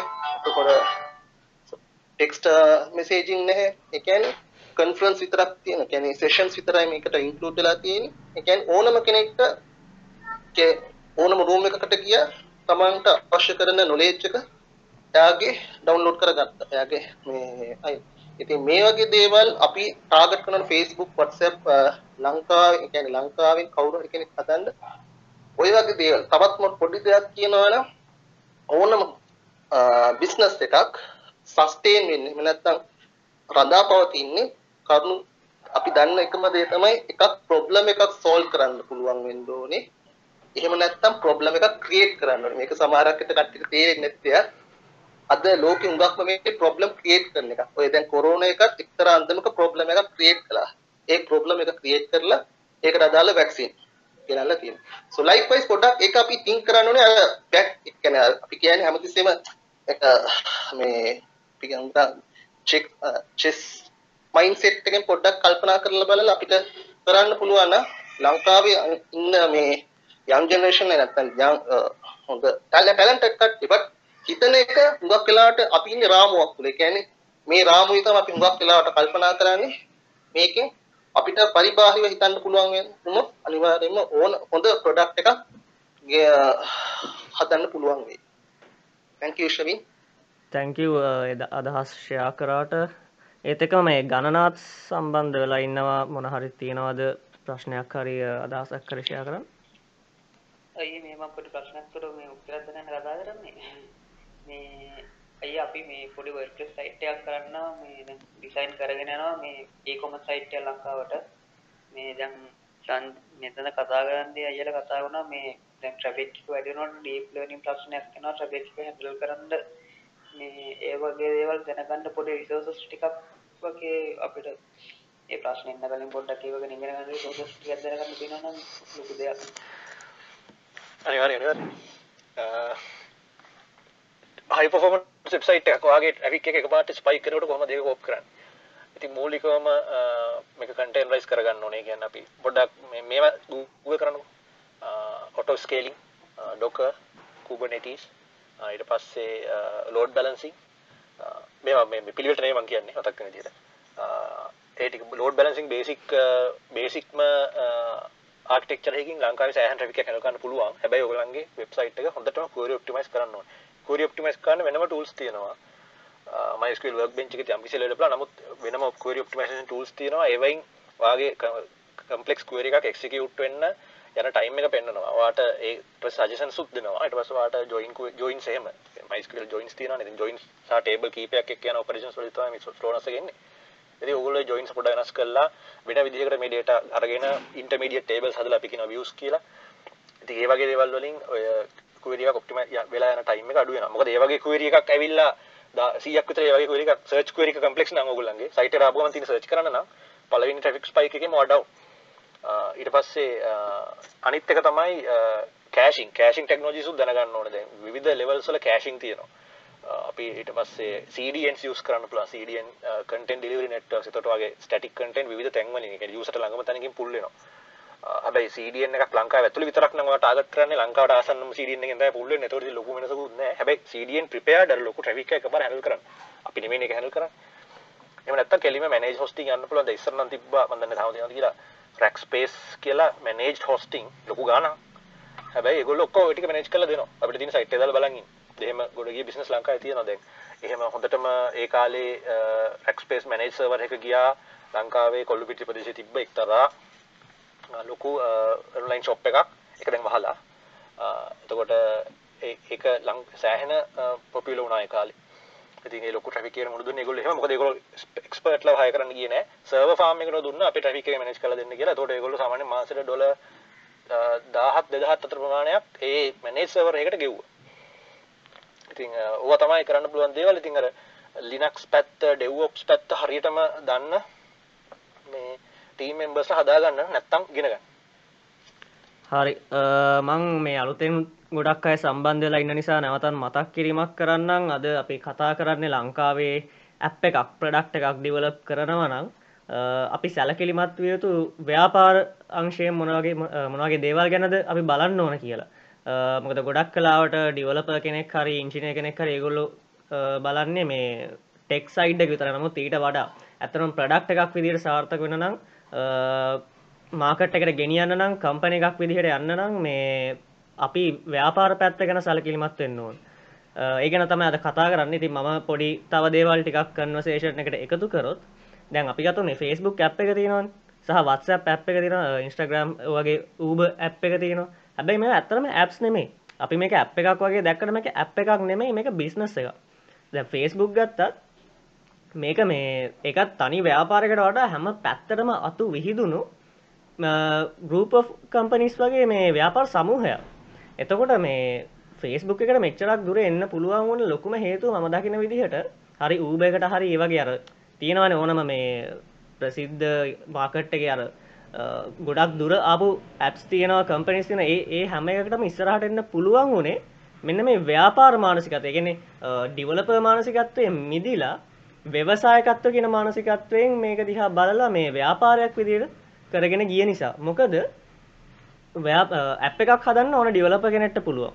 හැබැයි කප්පනිකක් පටන් ගන්න හැමෝටම් බෑ. ස්ටාර්ට් කරපු එකක් සස්ටේනබල් විදිහට දීර්ඝ කාලිනව පවත්වාගෙන යන්න. ඒකට වෙනම එතකොට වෙනම චැලෙන්ජස් ටිකක් තියෙනවා. එතකොට පවත්වාගෙන යන කම්පනි එකක් එතනින් හට ග්‍රෝ කරන්න ඉටත් වඩා චලෙන්ජස් ටිකක් තියෙනවා. මේකට වෙනම ස්කිල් සෙට් එකක් ඕන. එතකොට දැන් අපි මේ අපිට අදහස් වෙනවනේ මොන හරි ප්‍රොඩක්ට් එකද? අපි හිතනවා මේක මිලියන් ඩොලර් අයිඩියා එකක්. මරු අදහසක් කියලා හිතනවා. අපි මේ අදහසත් එක්ක මේ පොඩ ඉමෝෂනලි බැඳෙනවා. හැබැයි මේ කීයෙන් කීදෙනද අපි ඒ ඒ අපිට එන අදහස වැලිඩේට් කරන්න. ගෙන අයිඩිය වැලිඩේට් කරන්න. සාමාන්‍යෙන් මේ එක පාර ප්‍රඩක්් එකක් ඩිවලප් කරන්න කලින් අපි බලන්න ඕන මේ අයිඩියක වැලිඩේට් කරලා මේක මේ ඇත්තරම හොඳ සොලියෂණ එකද මේක වැඩ කරනවද? අපි මේ සම්පූර්ණ ප්‍රඩක්් එක ඩිවලප් කරන්න කලින් මේ මාකට එක දාලා පොඩ ටෙස් කල්ල බලන්න ඕන මාකට රිසර්ච් කරන්න ඕන. ඊට අමතරව මේ හොඳ ස්ට්‍රෝම් බිස්නස් මොඩල එකක් ඩිවලප් කරන්න ඕන. එතවට ගෝට මාගට ට්‍රඩජිස් මොනවද? අපේ මේ ටාගට ෝඩියන්ස එකට අනුව දැන් මේ කම්පිටිෂන්න එකත් එක්ක අපි කොහොමද අපේ ප්‍රඩක්් එක මාකට් එක පොසිෂන් කරන්න? අපේ පොසිෂනිං ස්ට්‍රටජීක මොකක්ද මෙන්න මේ වගේ දේවල් ගොඩක් තියෙනවා. මේ අපිට බලන්න දේවල්. හැබැයි මේවා ස්කිප් කරලා එක පාර ඇප් එකට ගිහිල්ලා ඉට පසේ ඇප් එක ටෙස් කරල බලවා මේක ඇතුළ තියෙන බක්ස් මොනවත් තියන මනත් මේක ෆීෂස් ටික වැඩ කරනවද? මෙන්න මේ ටෙස්ටිම් පාට්ක විතර ගොඩක් දොට ඒගොලො කරනවා දකින්න හම්බ වෙන්නේ. ඉතින් දැන් සමහරු කියනවා මේ ඇප් එකක් ගත්තහම මේක ඒගොල ප්‍රඩක්් එක ඩියලප් කරම ඒගලට අත දෙන්න කවරුන්නෑ කියලා. ඉන්වස් කරන්න කවරුත් කැමති වෙන්න කියලා නමුත් ඉන්වස්ට කෙනෙක් වුණත් මේක දිහා බලන්න කොහොමද? ඉන්වස්ට කෙනෙක්ගේ මානසිකත්වය ගත්තොත් එයා බලන්නේ තමන්ගේ මුදල් ආයෝෂණය කළ. තමන් හම්බ කරපු මුදල් ආයෝෂණය කරලා ඒකෙන් යම්කිසි ලාභයක් ලබන්න එතකොට ඒගොල්ලන්ට අවශ්‍යතාවයක් නැහැ මේ අහ කියන ප්‍රඩක්් එකක් අහ කැන ප්‍රඩක්් එකක් වෙනුවෙන් සල්ලි වේදන් කළ තමන්ගේ සල්ලි නාස්ති කරගන්න. එතකොට ඒගොල්ලොත් බලන දෙයක් තමයි ව්‍යාපාරිකයෙක් වුණහම ව්‍යවසායගෙන් බලන දේවල් ටිකක් තියෙන ප්‍රධාන වශයෙන්. මේ මේ ව්‍යවසායකට මේ අදහස ඇත්තරම ක්‍රියාත්ම කරන්න පුළුවන්ද? ඒගොල්ලන්ට මේ ඒ එක්ස්පටිස් එක තියෙනද හැකියාව තියෙනවද? ඊට අමතරව මේ එක පාර සල්ලි ගන්න එන්න කලින් මේ මනුස්සය මොනවාගේ රිසල්ස් දරන්තින් මෙයාට පුළුවන්ද මේක මේ මේ අදහස ක්‍රියාත්මක කරලා මේ සේල්ස් මේ වෙදි කොච්චර සේල්සේම අරන්ති නද මේක විකුණන්න පුළුවන්ද? මේක මාගට්ටකට ගෙනියන්න පුළුවන්ද? මොකද ඉන්වස්ට කෙනෙක්ගෙන් මේ මුදල් ලැබෙනවට අමතර තවතව වැලියස්ය ගේනව තමයි. නමුත් ව්‍යාපාරික මූලික වශයෙන් ව්‍යවසායකය තමයි මේ දේවල් එකතු කරන්න ඕන. ඉතිං විශේෂම දේ තමයි පටන් ගැනෙද්දි අයිඩියක වැලිඩේට් කරන්න ඕන තමන්ගේ මේ අදහස කොච්චර දුවට වැඩ කරන්න පුළුවන් අපි අපේ අදහසත් එක්ක නිකන් ඉමෝෂනලි බැඳිලා හරියන්නේ මේක මේ අපි හැමතිස්සම උත්සාහ කරලා බලන්න මේක මාකට් එකට අපි මිනිමම් වයබල් ප්‍රොඩක්ට් එකක් හදලා එහෙම නැත්නම් මේ ඇත්තටම ඒ ස්ටේජ් එකටත් එන්න කලින් අපි රිසර්ච් කරන්න ඕන. අපි අපි මේක ඇවිල්ලා අර දැන් ගොඩක් අය කරන දෙයක් තමයි රිසර්ච් කරනවා කියලා Google Forms වලින් මොකක් හරි සර්වේ එකක් කරලා WhatsApp හරහා ඔක යවනවා. නමුත් හරියට රිසර්ච් එකක් කරනවා නම් අපිට කාමරයක් ඇතුළේ ඉඳන් මේක කරන්න පුළුවන් දෙයක් නෙවෙයි. අපි මේක කරන්න ඕන ෆීල්ඩ් එකට ගිහිල්ලා. අපේ අපි යම්කිසි කමියුනිටි එකක් තෝරගෙන අපේ අදාළ ටාගට් ඔඩියන්ස් එකට අදාළ කමියුනිටි එකක් තෝරගෙන අපි මේ මිනිස්සු අතරට ගිහිල්ලා මේක මේ මේ මිනිස්සුන්ගේ ප්‍රශ්න ඇත්තට මොනවද තියෙන්නේ කියලා බලලා මොකද සමහරවිට අපි හිතාගෙන ඉන්නවා මේ මිනිස්සුන්ට යම්කිසි ප්‍රශ්නයක් තියෙනවා කියලා හැබැයි ඇත්තටම අපි ගිහිල්ලා බැලුවාම මේ මිනිස්සුන්ට එහෙම ප්‍රශ්නයක් නෙමෙයි තියෙන්නේ අපි අර assume කරන දේ නෙමෙයි මේ මිනිස්සුන්ට ප්‍රශ්නයක් විදිහට තියෙන්නේ එතකොට අපි අන්නේ රිසර්ච් එක මුලින් කරලා ඉන්න ඕන. මේ මිනිස්සුන්ට තියෙන ප්‍රශ්න හඳුනගෙන ඉන්න ඕන. ඊට පස්සේ අපිට පුළුවන් මොනවද සොලියුෂන්ස් කරන්න පුළුවන් දේවල් මොනවද කියලා අපිට හදන්න. එකන බ්‍රේන්ස්ටෝම් කරන්න පුළ මේ ඇවිලා අර ඩිසයින් තිංකින් ප්‍රසෙස් එක. ඊට පස්සේ මේ අපි හොයාගන්න යම්කිසි සොලියෂන්ස් වලට අදාළ ප්‍රොටයිප්ස් බිල් කළ ඊට පස්සේ ආපහු ගෙනියන්න පුළුවන් අර මේ මේ කමියුනිටි කරඟට මොකද මේ අපි මිනිස්සුන්ගේ බිහේවිය සඳුන ගන්න ඕන. දැන් උදාහරණයක් ගත්තොත් ලංකාවේ ටැක්සි ඇප්ස් ගොඩක් බිහි හැබැයි දැන් ඔය ටැක්සි ඇප් එක හැදුවට ඇත්තරම මේ ෆිල්ඩ් එකට ගිහිල්ලා ඒ ත්‍රීවේල් රියදුරු මහත්තුරුන්ගේ බිහේවියස් මොන වගේද? එහෙම නැත්නම් ටැක්සි එකක් ටැක්සි එකක යන සාමන පැසෙන්ජර් කෙනෙක්ගේ මේ බිහේවියස් මොන වගේද? මේවා ස්ටඩි කරේ කීයෙන් කී දෙනාද? හැබැයි ඇප්ස් නම් බර ගාණක් බිහි වුණා අපි දැක්කා. ඉතින් අද සාර්ථක වුණ ඒ කම්පනීස් වලින් අපිට දකින්න පුළුවන් වෙන්නේ ඒගොල්ලෝ අර early stages වලදී මෙන්න මේ රිසර්ච් එක කරලා තියෙනවා. ඒ විදිහට මේ ඒගොල්ලෝ අයිඩියා එක වැලිඩේට් කරලා ඒගොල්ලන්ට තියෙන බිහේවියර්ස් මොනවද කියලා හඳුනගෙන ඒකට අදාළව මේ ප්‍රොඩක්ට් එකේ ඉම්ප්‍රූව්මන්ට්ස් කරලා තිනවා. එහෙම නැතුව ප්‍රොඩක්ට් එකක් හදලා ඒකේ බග්ස් ෆික්ස් කරන එකම විතරක් නෙමෙයි අපි කරන්න ඕනේ. ඉතින් ඊට අමතරව අපි එතනින් එහාට ගිහිල්ලා මාකට් එකේ අනිත් කම්පිටිටර්ස්ලා මොනවා වගේද? එතකොට මේ මාකට් එක ගැන අපිට හොඳ අවබෝධයක් තියෙන්න ඕන. හරිතන අපි පොසිෂන් කරගන්න නම්. දැන් බලන්න මේ දැන් මේ ළඟදී ආපු මේ අපි පාවිච්චි කරන ක්ලබ් හවුස් ඇප් එකම. දැනට තියෙන ඕන තරම් මේ සෝෂල් මීඩිය ඇප්ස් තියෙනවා. හැබැයි ඒ හැම ඇප් එකක්ම ගත්තොත් මොකක් හරි දෙයක් එක්ක මීඩියම් එකක් පාදක කරගෙන එහෙම නැත්නම් යම්කිසි ඔඩියන්ස් එකක් පාදක කරගෙන. Facebook එක උනත් පටන් ගත්තේ මේ එකපාර මුළු ලෝකෙම අල්ලලා නෙමෙයි මේගොල්ලෝ පටන් ගත්තේ එක කමියුනිටි එකකින්. ඒගොල්ලන්ගේ කැම්පස් එකේ ඊට පස්සේ තමයි කැම්පස් අතර ප්‍රචාරය කළා. එතනින් එහාට ටික ටික ඒගොල්ලන්ගේ ඔඩියන්ස් එක එහාට ගියේ. එතකොට මේ විවිධ සෝෂල් නෙට්වර්ක් ප්ලට්ෆෝම්ස් තියෙද්දි ලබ් හවස ඒගොල යුනික් විදිහට පොසිෂන් කරගෙන තියෙනවා. මේක ඕඩියෝ බේස් පලට්ෆෝර්ම එකක් විදිහට. මේක මේ ඔන්ලයින් කොන්ෆරන්සින් ටයිප් එකට කරන්න පුළුවන් විදිහට එක හරිම නීශකක් තෝරගෙන ගොල පොසිෂන් කරගෙන තියෙන් ඉතින් අන්න ඒවගේ ස්ට්‍රටජීකමකක්ද පාකට පොසිෂනින් ස්ට්‍රටජීකමකක්ද ලොකුම දේ තමයි ශවි නතන පොඩ්ඩක් ඇඩ් කරන්න ලබ් හවසේ කොහොමද මිනිස්සු අතර ගෙනියන ඉන්වයිට් මොඩල් ඕ ඕ ඇතර මේ ඒ ඉන්වයිට මොඩල් එකත් හොඳ මාකටින් ටෙක්නික එක මේ ගැන හොඳටම දැනගන්න පුළුවන්. මේ ඔයාලට බලන්න පුළුවන් උදාහරණයක් තියෙනවා. ද සිරප් කියලා මේ මූව එකක් තියෙන දෙදස් දහතුනේ අප මූව එකක් ෆිල්ම් එකක්. මේ අන්නේ ෆිල්ම් එක පොඩ්ඩක් බලන්න. මොකද ඒක තියෙන අන්තිමට මේ ගොල ප්‍රඩක්් එකක් ඩියවලප් කරලා එක මොහොඳ මාකටින් ශ්‍රඩශි එකක් ගෙන අන්න ඒහා සමාන මාකටින් ශ්‍රඩශි එකක් තමයි මේ කලබ් හවස එකනු පාවිශි කරම ඉන්වයිට් බේස් කරගෙන මිනිස්සු අතරට මේ ගෙනියන එක. ඇතර මේක හොඳ ස්ට්‍රටජික ඉතින් මේ කොහමරි දැම් මේ ඔක්කොම තිබිලත් හරියන්න හැ අපිට හොඳ ශ්‍රෝම් බිස්නස් මෝඩ් එකක් නත්ත අපි රෙවනිියෝ ගෙන ස්ට්‍රීම්ස් මොනවද? මේකත් එක්ක ඉන්න ස්ටේක් හෝල්ඩස් ලකවුද මේ මේ ඒගොල්ලන්ට ඊට පස්ස ලැබෙන වැලිව් එක මොකක්ද මේ වගේ මේ හොඳ හොඳ ශ්‍රෝම් බිස්නස් මොඩල එකක් තියෙන් ඕන. ඉති මේ එකක්වන් නැතුව නිකං ඇප් එකක් විතරක් හදලා අපිට බලාපොරොත්තු වෙන්න බෑ. අප ඊට පස මිනිස්සුන්ට දොස් කියන්න බෑ අනේ අපි මෙහම ප්‍රඩක්් එකක් හැදුව. කවරු මේ ගත්තන අපිට කවරුත් අත දෙන්න කෙනෙක් නෑ. අත දෙන්න ඇතම ඒ අත අපි ගන්නුවන අපි අපි ගිහිල්ල රීචව් කරන්න ඕන. අපි ගිහිල්ලා රිසෝසස් හොයාගන්න ඕන. කවරුත් ඇවිල් අපිට බලෙන් පොවන්න අපි ස්පූන් ෆීට් කරනකම් බලංගදල හරියන්න ඒ තත්වේ අපි හදාගන්න ඕන. ඉතිං තවම් අපි මෙතන සම්බන්ධ වෙලා ඉන්නවා මේ චතුම් යොහාන් සහ ශෂින්ද මොනහරි ඕගලන්ට අදහස් තියෙනවනම් ඉදිරිපත් කරන්න පුළුව තැන්ක්ස් එම් එම් මම් චුට්ටක් කතා කරන්න මේ ස්කේලිං ගැනයි මේ සංජය ස්කේලිං ගැන කිය ඇති මට පොඩ්ඩක් රිලේට් පොයින්ස් දෙක තුනත් තිබ්බ.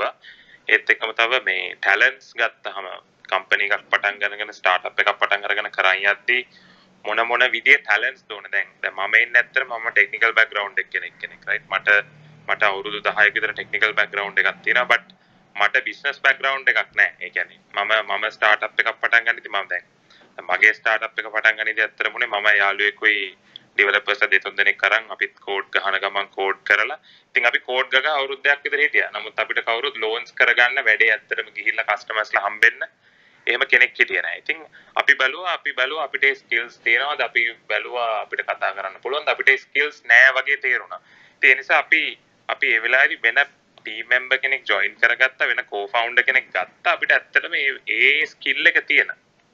ඒ නිසා මං හිතන්නේ අපි ඩෙවලොපර්ස්ලා විදියට අපි අපි ටෙක් වලින් එහාට ගියාම කට්ටිය දැනගන්න ඕනේ. ඒ කියන්නේ ඉම්පෝර්ටන්ට් පොයින්ට් එකක් තමයි මම දැන් මම ඉගෙන ගත්තේ. ඒ කියන්නේ කම්බිනේෂන් of කම්බිනේෂන්ස් of මේක එකන ස්කිල්ස් වල කම්බිනේෂන් එකක් තියෙන්න ඕන ප්‍රඩක්් එකක් ඉස්සරහට ගෙනියන්න ඒක තම මං ඔය ඔය ටැලන්ස් ගැන කිව්වේ ඊට පස්සේ ඇත්තරම මේ ඔය ස්කේලිං ගැන මේ සංජය කියන වෙලේට මටත් ස්කේලිං සම්බන්ධ එක්ස්පීරියන්ස් එකක් තියෙනවා මොකද මම අපි කෝඩ් ගහන කාලේ කියන්නේ මගේ ස්ටාර්ට්අප් එකේ ඔරිජිනල් කෝඩ් එක අපි ලියන කාලේ අවුරුදු 5කට විතර කලින් අපි එන පොඩි ඒ කියන්නේ අපි එච්චර ඔච්චර ස්කේලින් ගැන ලොකු අයිඩියා එකකුත් නැහැ ගොඩක් ට්‍රැෆික් આવුත් මොකද කරන්න කියලාත් නැහැ.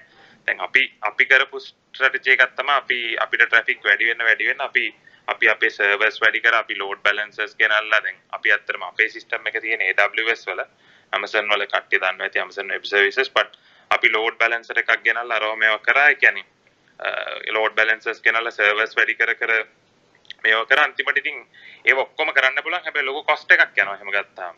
ඊට පස්සේ ඔප්ටිමයිසේෂන් කරන්න රික්වයර්මන්ට් එකක් එනවා. ඊට පස්සේ uh, දැන් උදාහරණයක් වශයෙන් දැන් මගේ වෙබ්සයිට් එකට මාසෙකට 20000ක් විතර sorry සත් දවසකට 20000ක් විතර යූසර්ස්ලා එනවා.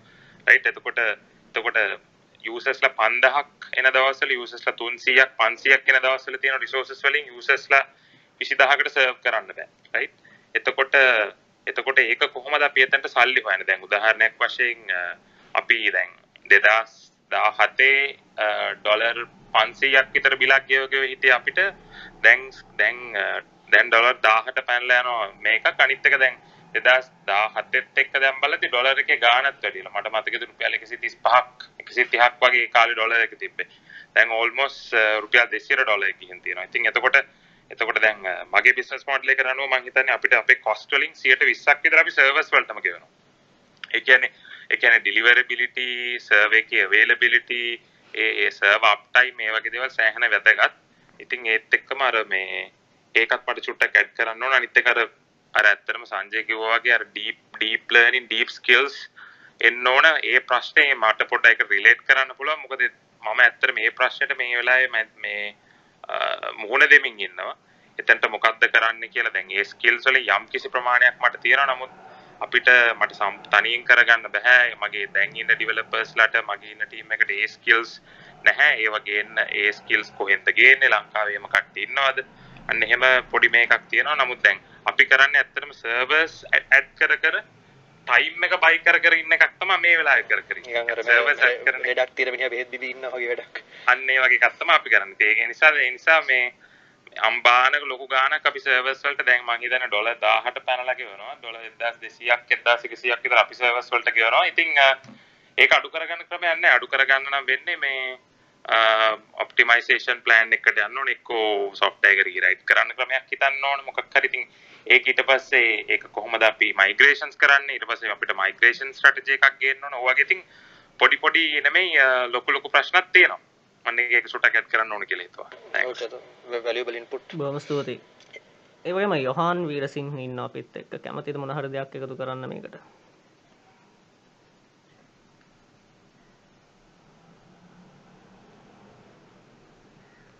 යහන් කතා කරනකම් ගණනාගේ ප්‍රශ්නට ඉස්සර හරි උත්තරයක් ආවද මල්ලි?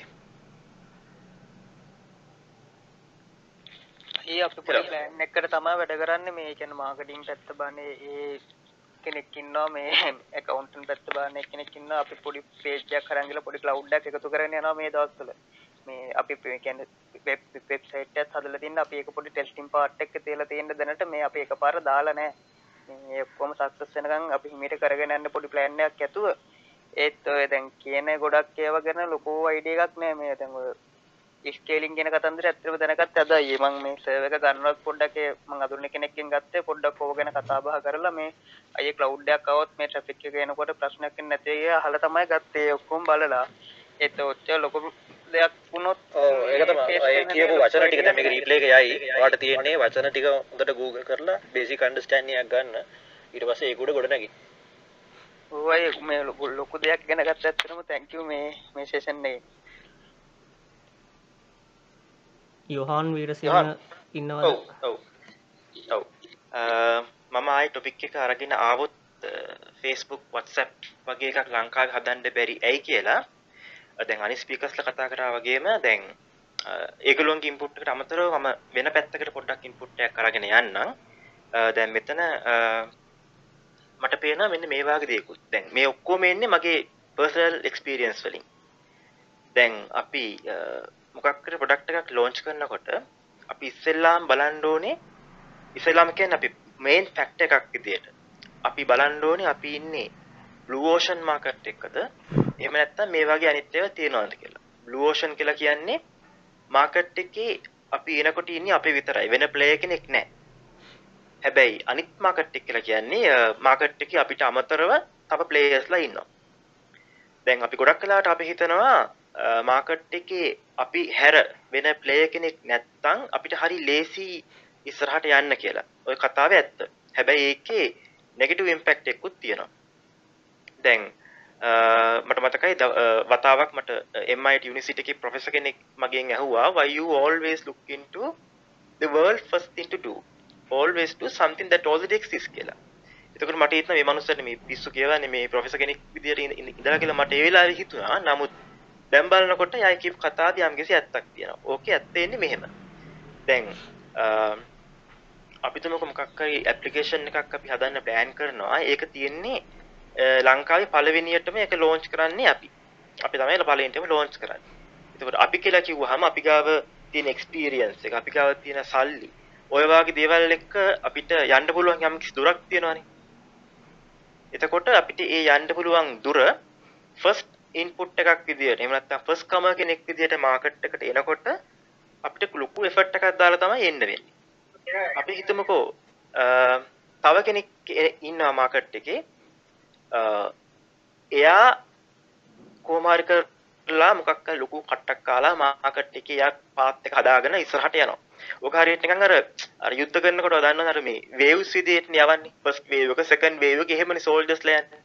ෆස්ට් වේව් එකේ ගැහුවට පස්සේ සෙකන්ඩ් වේව් එක කට්ටියට ලේසි සෙකන්ඩ් වේව් එක ගැහුවට පස්සේ තර්ඩ් වේව් එකට ලේසි අන්න ඒ වගේ ඉතින් එහෙම එකක් තියෙනවා අපිට හැම වෙලේම මාකට් එකේ පළවෙනියටම තියෙන්න ඕනේ කන්සෙප්ට් එකක් කියලා ගොඩක් අය එහෙම කල්පනා කරනවා. අපි මම හිතන්නේ හැමෝම මේකට ඇග්‍රි වෙයි. මමත් එක දැකලා තියෙනවා සෑහෙන්න.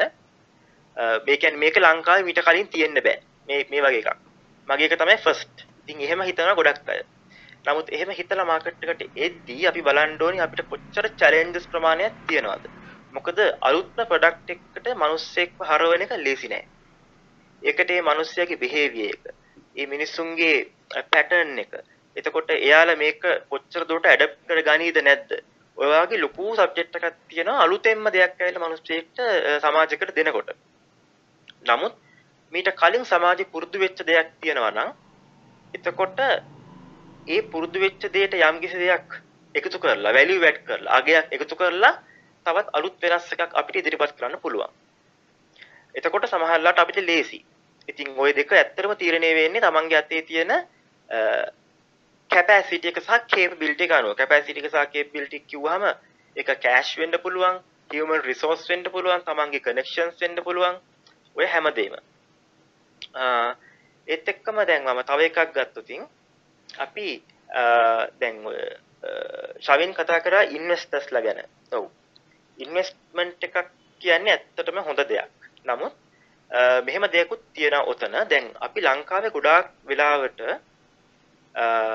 අපේ අලුත් වෙන අය ඉන්වෙස්ටර්ස්ලගේ මොන මොන ඉන්වෙස්ටර්ස් ලද ඉන්නේ කියන එක ගැන හරියටම වැටහීමක් නැහැ කියලා පොඩක් හිතනවා. මොකද අපි ඉන්වෙස්ටර්ස්ලා ගත්තොත් ප්‍රධාන වශයෙන් ඉන්නවා ඒන්ජල් ඉන්වෙස්ටර්ස්ලා. ඊට පස්සේ VC ලා වෙන්චර් කැපිටලිස්ට්ලා. ඔය වගේ එක එක වර්ග ඉන්නවා. දැන් අපි ප්‍රොඩක්ට් එක හදනකොට අපිට ඒක අයිඩියා ස්ටේජ් එකේ නම් තියෙන්නේ. අපි ඒක වෙන්චර් කැපිටල් කෙනෙක් ගාවට අරගෙන ගියොත් ඒ මිනිස්සයා අපිට ඉන්වෙස්ට් කරන්නේ නැහැ. මොකද එයා ඉන්වෙස්ට් කරන්න හදන්නේ ලොකු ගණන් වලින්. එතකොට ඒ වගේම එයා අර මේ ස්ටාර්ට් ස්ටේජ් එකේ තියෙන අයිඩියා එකකට ඉන්වෙස්ට් කරන්න එයා ලෑස්තිත් නැහැ. එතකොට අපි මේක අරන් යන්න ඕනේ ඒන්ජල් ඉන්වෙස්ටර් කෙනෙක් ගාවට. ඒන්ජල් ඉන්වෙස්ටර් කෙනෙක් ගාවට යද්දී අපි බලන්න ඕනේ මේ මේ ඒන්ජල් ඉන්වෙස්ටර් ඇත්තට ලංකාවේ ගොඩක් ඉන්නවා ඒන්ජල් ඉන්වෙස්ටර්ස්ලා. එතකොට මෙයාලා ගාවට යද්දී අපි අපි මේක හරියට ප්ලෑන් කරගෙන ප්ලෑන් අවුට් කරගෙන එහෙම තමයි එතනට යන්නේ. ඒ වගේම අපි ඒන්ජල් ඉන්වෙස්ටර් කෙනෙක් ගාවට යනකොට හරි VC කෙනෙක් ගාවට හරි යනකොට අපි නිකන් ගිහිල්ලා මට මෙහෙම අයිඩියා එකක් තියෙනවා ඔයාට මෙහෙම සල්ලි දෙන්න පුළුවන්ද කියලා ඇත්තටම අහන්න බෑ. ඒකට අපිට තියෙන්න ඕනේ බිස්නස් ප්ලෑන් එකක්. ඊට පස්සේ පිච් ඩෙක් එකක් තියෙන්න ඕනේ. ඔයාගේ විවිධාකාර දේවල් අපි ගාව තියෙන්න ඕනේ ලෑස්ති කරගෙන. එයා ගාවට ගියාට පස්සේ එයා අහන ප්‍රශ්න වලට උත්තර දීමේ හැකියාව හැකියාව අපි ගාව තියෙන්න ඕනේ. සහ මම මේ ඉන්වෙස්ට්මන්ට් ගැන කතා කරපු නිසා මේකත් කියන්නේ අපි ගාව හොඳ අයිඩියා එකක් තියෙන්න ඕනේ අපි කම්පැනි එකේ කොහොමද ෂෙයාර්ස් බැලන්ස් කරන්න කියලා. මොකද අපි දන්නවා අපිට ඉන්වෙස්ට්මන්ට් එකක් රේස් කරනකොට අපි පළවෙනිටම රේස් කරන ඉන්වෙස්ට්මන්ට් එක විතරක් නෙමෙයි අපිට ගොඩක් වෙලාවල රේස් කරන්න වෙන්නේ රවුන්ඩ් 1 රවුන්ඩ් 2 ඔය වගේ යන්න වෙනවා. එතකොට ඒ අනුව තමයි ෂෙයාර්ස් තියාගන්න. නැත්නම් ෂෙයාර්ස් ඩයිලූට් වෙනවනේ. එතකොට ඒ කොච්චරද දෙන්නේ දෙපැත්තටම වින් වින් සිටුේෂන් එකක් ඇති කරන්නේ කොහොමද? ඉන්වෙස්ටර් එක්සිට් ස්ට්‍රැටජි එකක් දැම්මොත් ඒකට මොකක්ද කරන්නේ? අන්න ඒ වගේ ගොඩාක් දේවල් අපි හිතාගෙන තමයි යාගාවට යන්න ඕනේ. මේවා ඇත්තටම මේ එක පාරටම මේ කවුරුත් ඒවත් එක්ක අර ඉපදෙන්නේ නැහනේ. එතකොට ඉතින් අර මේ එක්ස්පීරියන්ස් එකෙන්ම තමයි ඕවා ඇත්තට වෙන්නේ. ඊට පස්සේ අපි ඇප්ලිකේෂන් පැත්තෙන් ගත්තොත් ආයෙත් සරයක් දැන් දැන් තවත් දෙයක් තියෙනවා අපි ඇප්ලිකේෂන් එකක් ඩිවලොප් කරද්දී අර සංජය කිව්වා වගේ ඔය පර්ෆෝමන්ස් පැත්ත ඒ වගේ දේවල් ගොඩාක් බදලා ඕනේ මාකට් එකකට එන්න. මොකද එහෙම නැත්නම් අපි ආවට පස්සේ ඇත්තටම මේ මේ මේ අපිට ලොකු බැක්ස්ලෑෂ් එකක් එනවා නම් එතනින්ම අපි ලොකු බ්‍රෑන්ඩ් එකට හානියක් කරගන්න on the spot. ඉතින් ඊට වඩා අපි ඇත්තටම ඕක ටෙස්ට් කරලා හොඳට මේවා කරලා ඇප්ලිකේෂන් එක මාකට් එකට අරන් එනවා නම් ඒක වැඩි හොඳයි. දැනට ওই ටික තමයි ෂවින් මට කියන්න තියෙන්නේ. බොහොම ස්තුතියි මේ අපරත් දෙන්න මම පොඩි කෑල්ලක් රෙඩ් කරන්නම් මේ යෝහන් කියප එකට. ඒ යෝහන් කියපු පොයින්ට් එක හරිම වැලිඩ් අර දැන් ඉස්සරහින් කෙනෙක් පාර කපාගෙන යනවා පිටිපස්සේ යන අයට ලේසි වෙන්න. එතකොට ඒ වගේ අර දැනට ඉන්න මාකට් එකකටත් අපිට යන්න අප්‍රෝච් කරන්න විදි තියෙනවා. ඊට අමතරව අපිම මාකට් එකට බැස්සොත් ඒක ප්‍රධාන ප්‍රශ්න තමයි අපි කස්ටමර්ව එඩියුකේට් කරගෙන තමයි කස්ටමර්ගෙන් සේල් එක ගන්න ඕනේ. කස්ටමර් අපෙන් එඩියුකේට් වෙන්න නම් කස්ටමර් අපිව ට්‍රස්ට් කරන්න. ඒතර ලොකු බ්‍රෑන්ඩින් ප්‍රශ්නයක් ලොකු මාකටිං එෆර්ට් එකක් මාකටිං එක්ස්පෙන්ඩිචර් එකක් කරන්න වෙනවා. ඉතින් අර බ්ලූ ඕෂන් අපිට කම්පියුටර්ස් නැහැ කියපු පළියටම ඒක හොඳ තත්ත්වයක් වෙන්නෙත් නැහැ. කම්පියුටර්ස්ලා ඉන්නවා ගොඩක් කියන එකම නරක තත්ත්වයක් වෙන්නෙත් නැහැ. ඔව් අපි දැන් පෑකටත් ලං කල්ල මේක කරලා තියෙනවා මේ විකුම වුණත් තියෙනවද නෑ මට තර කියන්න තියෙන ඇත්තරම ඉතින් අපි මුලින්ම මාකට් එකට ආවා කියලත් අපි එහෙම සාර්ථක වෙනවා කියන එක ඇත්තරම ගැරන්ට් කරන්න බෑ දැන් උදාහරණයකට ගත්තොත් එimhe දැන් graphics using graphical user interface එක අපි යූස් කරන. ඒක ඉස්සෙල්ලම හැදුවේ Xerox එකෙන්. Xerox Spark Palo Alto Research Center කියන එකෙන් හැදුවේ. නමුත් ඒකෙන් ඇත්තරම ප්‍රයෝජන ගත්තේ Apple එක. ඉතින් පාක් එකේ හිටපු අය ගොඩාක් කාලයක් try කරලා තියෙනවා මේ Xerox සමගම කන්වින්ස් කරන්න PC එකක් හදන්න GUI එකක් තියෙන. නමුත් එයාලා ගෙන එයාලට කොච්චර try කරත් බැරි අවුරුදු ගාණක් try කරලා try කරලා බැරි වුණාට පස්සේ Apple එකට එක ෂෝට් එකකින් පෙන්නපු ගමන් ස්ටීව් ජොබ්ස් දැනගන්නවා හරි මේක තමයි පර්සනල් පර්සනල් කම්පියුටර්ස් වල අනාගතය. ඉතින් අන්න ඒ වගේ අර සමහරලාට අපි ඉස්සෙල්ලම හදන දේ අනික් අය ඒ විදිහට අඳුරගන්න නැති වෙන්න පුළුවන්. ඒ ඒක ඒකේ වටිනාකම දකින කෙනා ඒකෙන් සාර්ථක වෙන්නත් පුළුවන්. ඉතින් මමත් කියන්නේ ඉතින් අපි මුලින්ම දෙයකට එන්ටර් වුණා කියලා එකෙන් සාර්ථක වෙනවා කියන එක ගැරන්ට් කරන්නත් බෑ. දෙවනියට එන එක්කෙනා සමහරට අපි නොදන්න පැත්තක් දැක්කලා ඒකෙන් සාර්ථක ඒකෙන් යාගේම විදියකින් සාර්ථක වෙන්නත් පුළුවන්. අනිත් එක තමයි අර කිව්වා මේ අපි රිසර්ච් කරලා මොකක් හරි මාකට් එකේ ගැප් එකක් අඳුර ගන්නවා කියන එක. දැන් එතන අර මේ මෙහෙම දෙයක්ත් තියෙනවා. දැන් මිනිස්සු අපි හිතනවා මිනිස්සු දන්නවා එයාලට මොනවද ඕනේ කියලා. නමුත් ඇත්තම කතාව මිනිස්සු දන්නේ නැහැ මොනවද එයාලට ඕනේ කියලා. උදාහරණයකට දැන් අර හෙන්රි ෆෝඩ් කියනවනේ මේ එයා මිනිස්සුන්ගෙන් ඇහුවනම් මිනිස්සුන්ට ඕනේ මොනවද කියලා මිනිස්සු කියයි මට ඕනේ වේගෙන් දුවන අස්සයෝ කියලා. අන්න ඒව එහෙම ඉෂුව එකකුත් තියෙනවා දැන් ඒ කියන්නේ අපි සමහරලාට හිතන අපිට මේ මාකට් එක රිසර්ච් කරලා මේ මිනිස්සුන්ට ඕන දෙයක් අඳුර ගන්න පුළුවන් කියලා. නමුත් සමහරලාට මිනිස්සු දන්නෙත් නැහැ මිනිස්සුන්ට මොනවද ඕනේ කියලා. ඒ වගේ වෙලාවලුත් ඒ වගේ වෙලාවට අපිට මොකක් හරි අපේම දෙයක් ඉදිරිපත් කරලා එයාලගේ ප්‍රතිචාරය බලලා ඒක ඩිවලොප් කරන්න යන්නත් පුළුවන්. උදාහරණයකට දැන් පළවෙනි iPhone එක ගන්නකො පළවෙනි iPhone එකේ එනකල්ම කවුරුත් එක බටන් එකක් තියෙන ලොකු ඩිස්ප්ලේ එකක් විතරක් තියෙන ෆෝන් එකක් ගැන ලොකු අදහසක් තිබුණේ නැහැ. නමුත් පළවෙනි iPhone එකේ පස්සේ එකපාරම Google එකත් එයාලා කර කර හිටපු ප්‍රොජෙක්ට් එක නවත්තලා HTC Dream එක එයාලගේ පළවෙනි Android phone එක ඒක හදන්න ස්විච් වෙනවා. ඉතින් අන්න ඒ වගේ දේවල් ටිකකුත් තියෙනවා. ඉතින් ඒ ගැනත් අපි කතා කරමු වෙන දවසක. ඔව් ඒ වගේම මේ සම්බන්ධ වුණා අර ශෂින්ද ගොඩක් කලා හිටිය මොනහරි ප්‍රශ්න තියෙනවද නැත්තං සසික නිසල් තිලින මොනහරි තියෙනවනම් ඔලට දැන් අහන්න පුළුවන් නත්තං අපිට අවසන් කරන්නත් පුළුවන්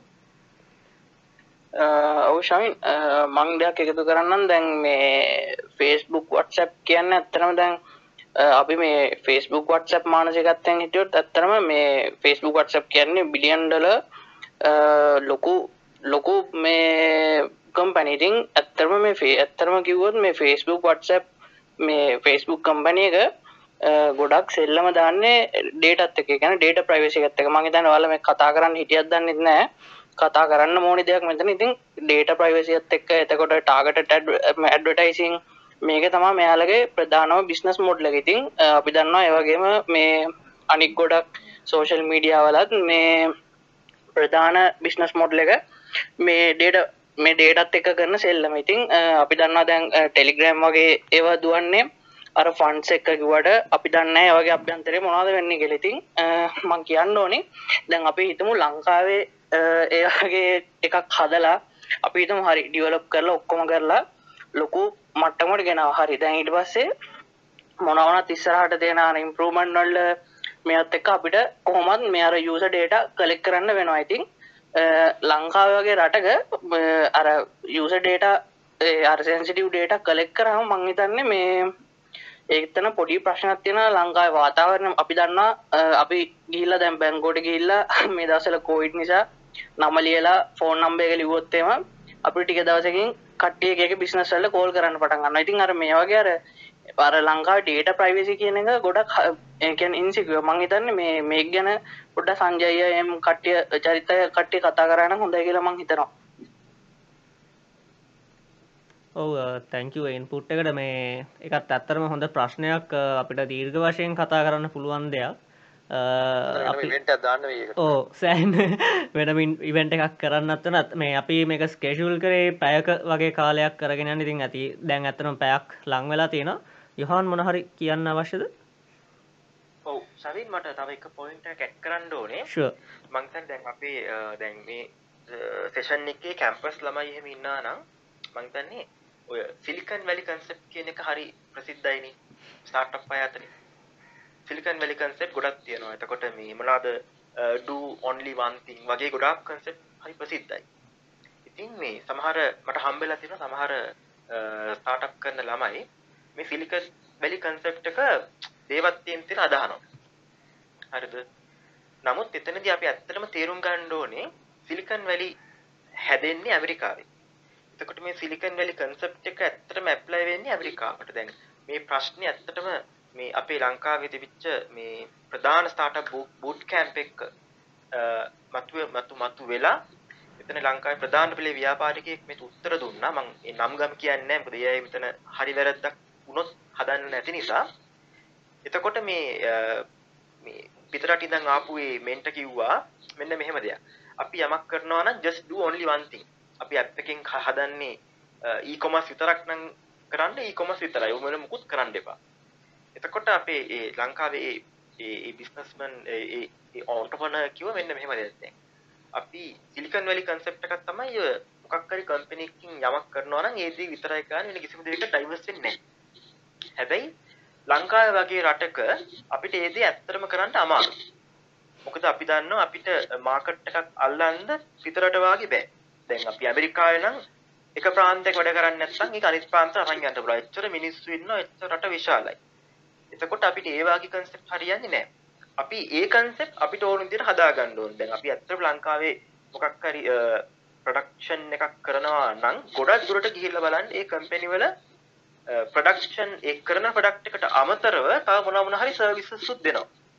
එතකොට අර ප්‍රොඩක්ට් එක යනකම් ඒගොල්ලෝ අර සර්විසස් වලින් තමයි අල්ලන් ඉන්නේ. ඒක තමයි රනින් කොස්ට් එක හරි කවර් වෙන්නේ සර්විසස් වලින්. ප්‍රොඩක්ට් එකට වෙනම ඉන්වෙස්ට් කරනවා. ඒ ඒක හරි. එතකොට තව එකක් කියන්න ඕනේ. දැන් මොකක්ද දැන් අපි ඔය ඇප්ලිකේෂන් එකක් මාකට් එකට දානකොට ගොඩාක් අය ස්ට්‍රැටජි එකක් නැතුව ස්ට්‍රැටජි එකක් නැතුව කෙලින්ම එක ෆ්‍රී දෙනවනේ. ඒ කියන්නේ කෙලින්ම උත්සාහ කරන්නේ ප්‍රයිස් එකෙන් කට් අවුට් කරන්න කම්පිටිටර්.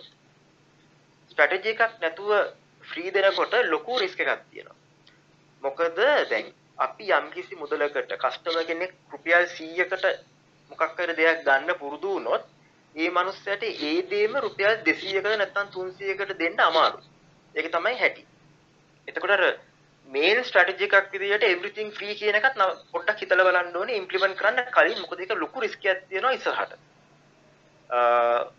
ඒ දෙකට අමතරව තව අපි ඔය හරි ෆේමස් දෙයක් තමයි ඔය ඇප්ලිකේෂන් ක්ලෝනින් කියන එක.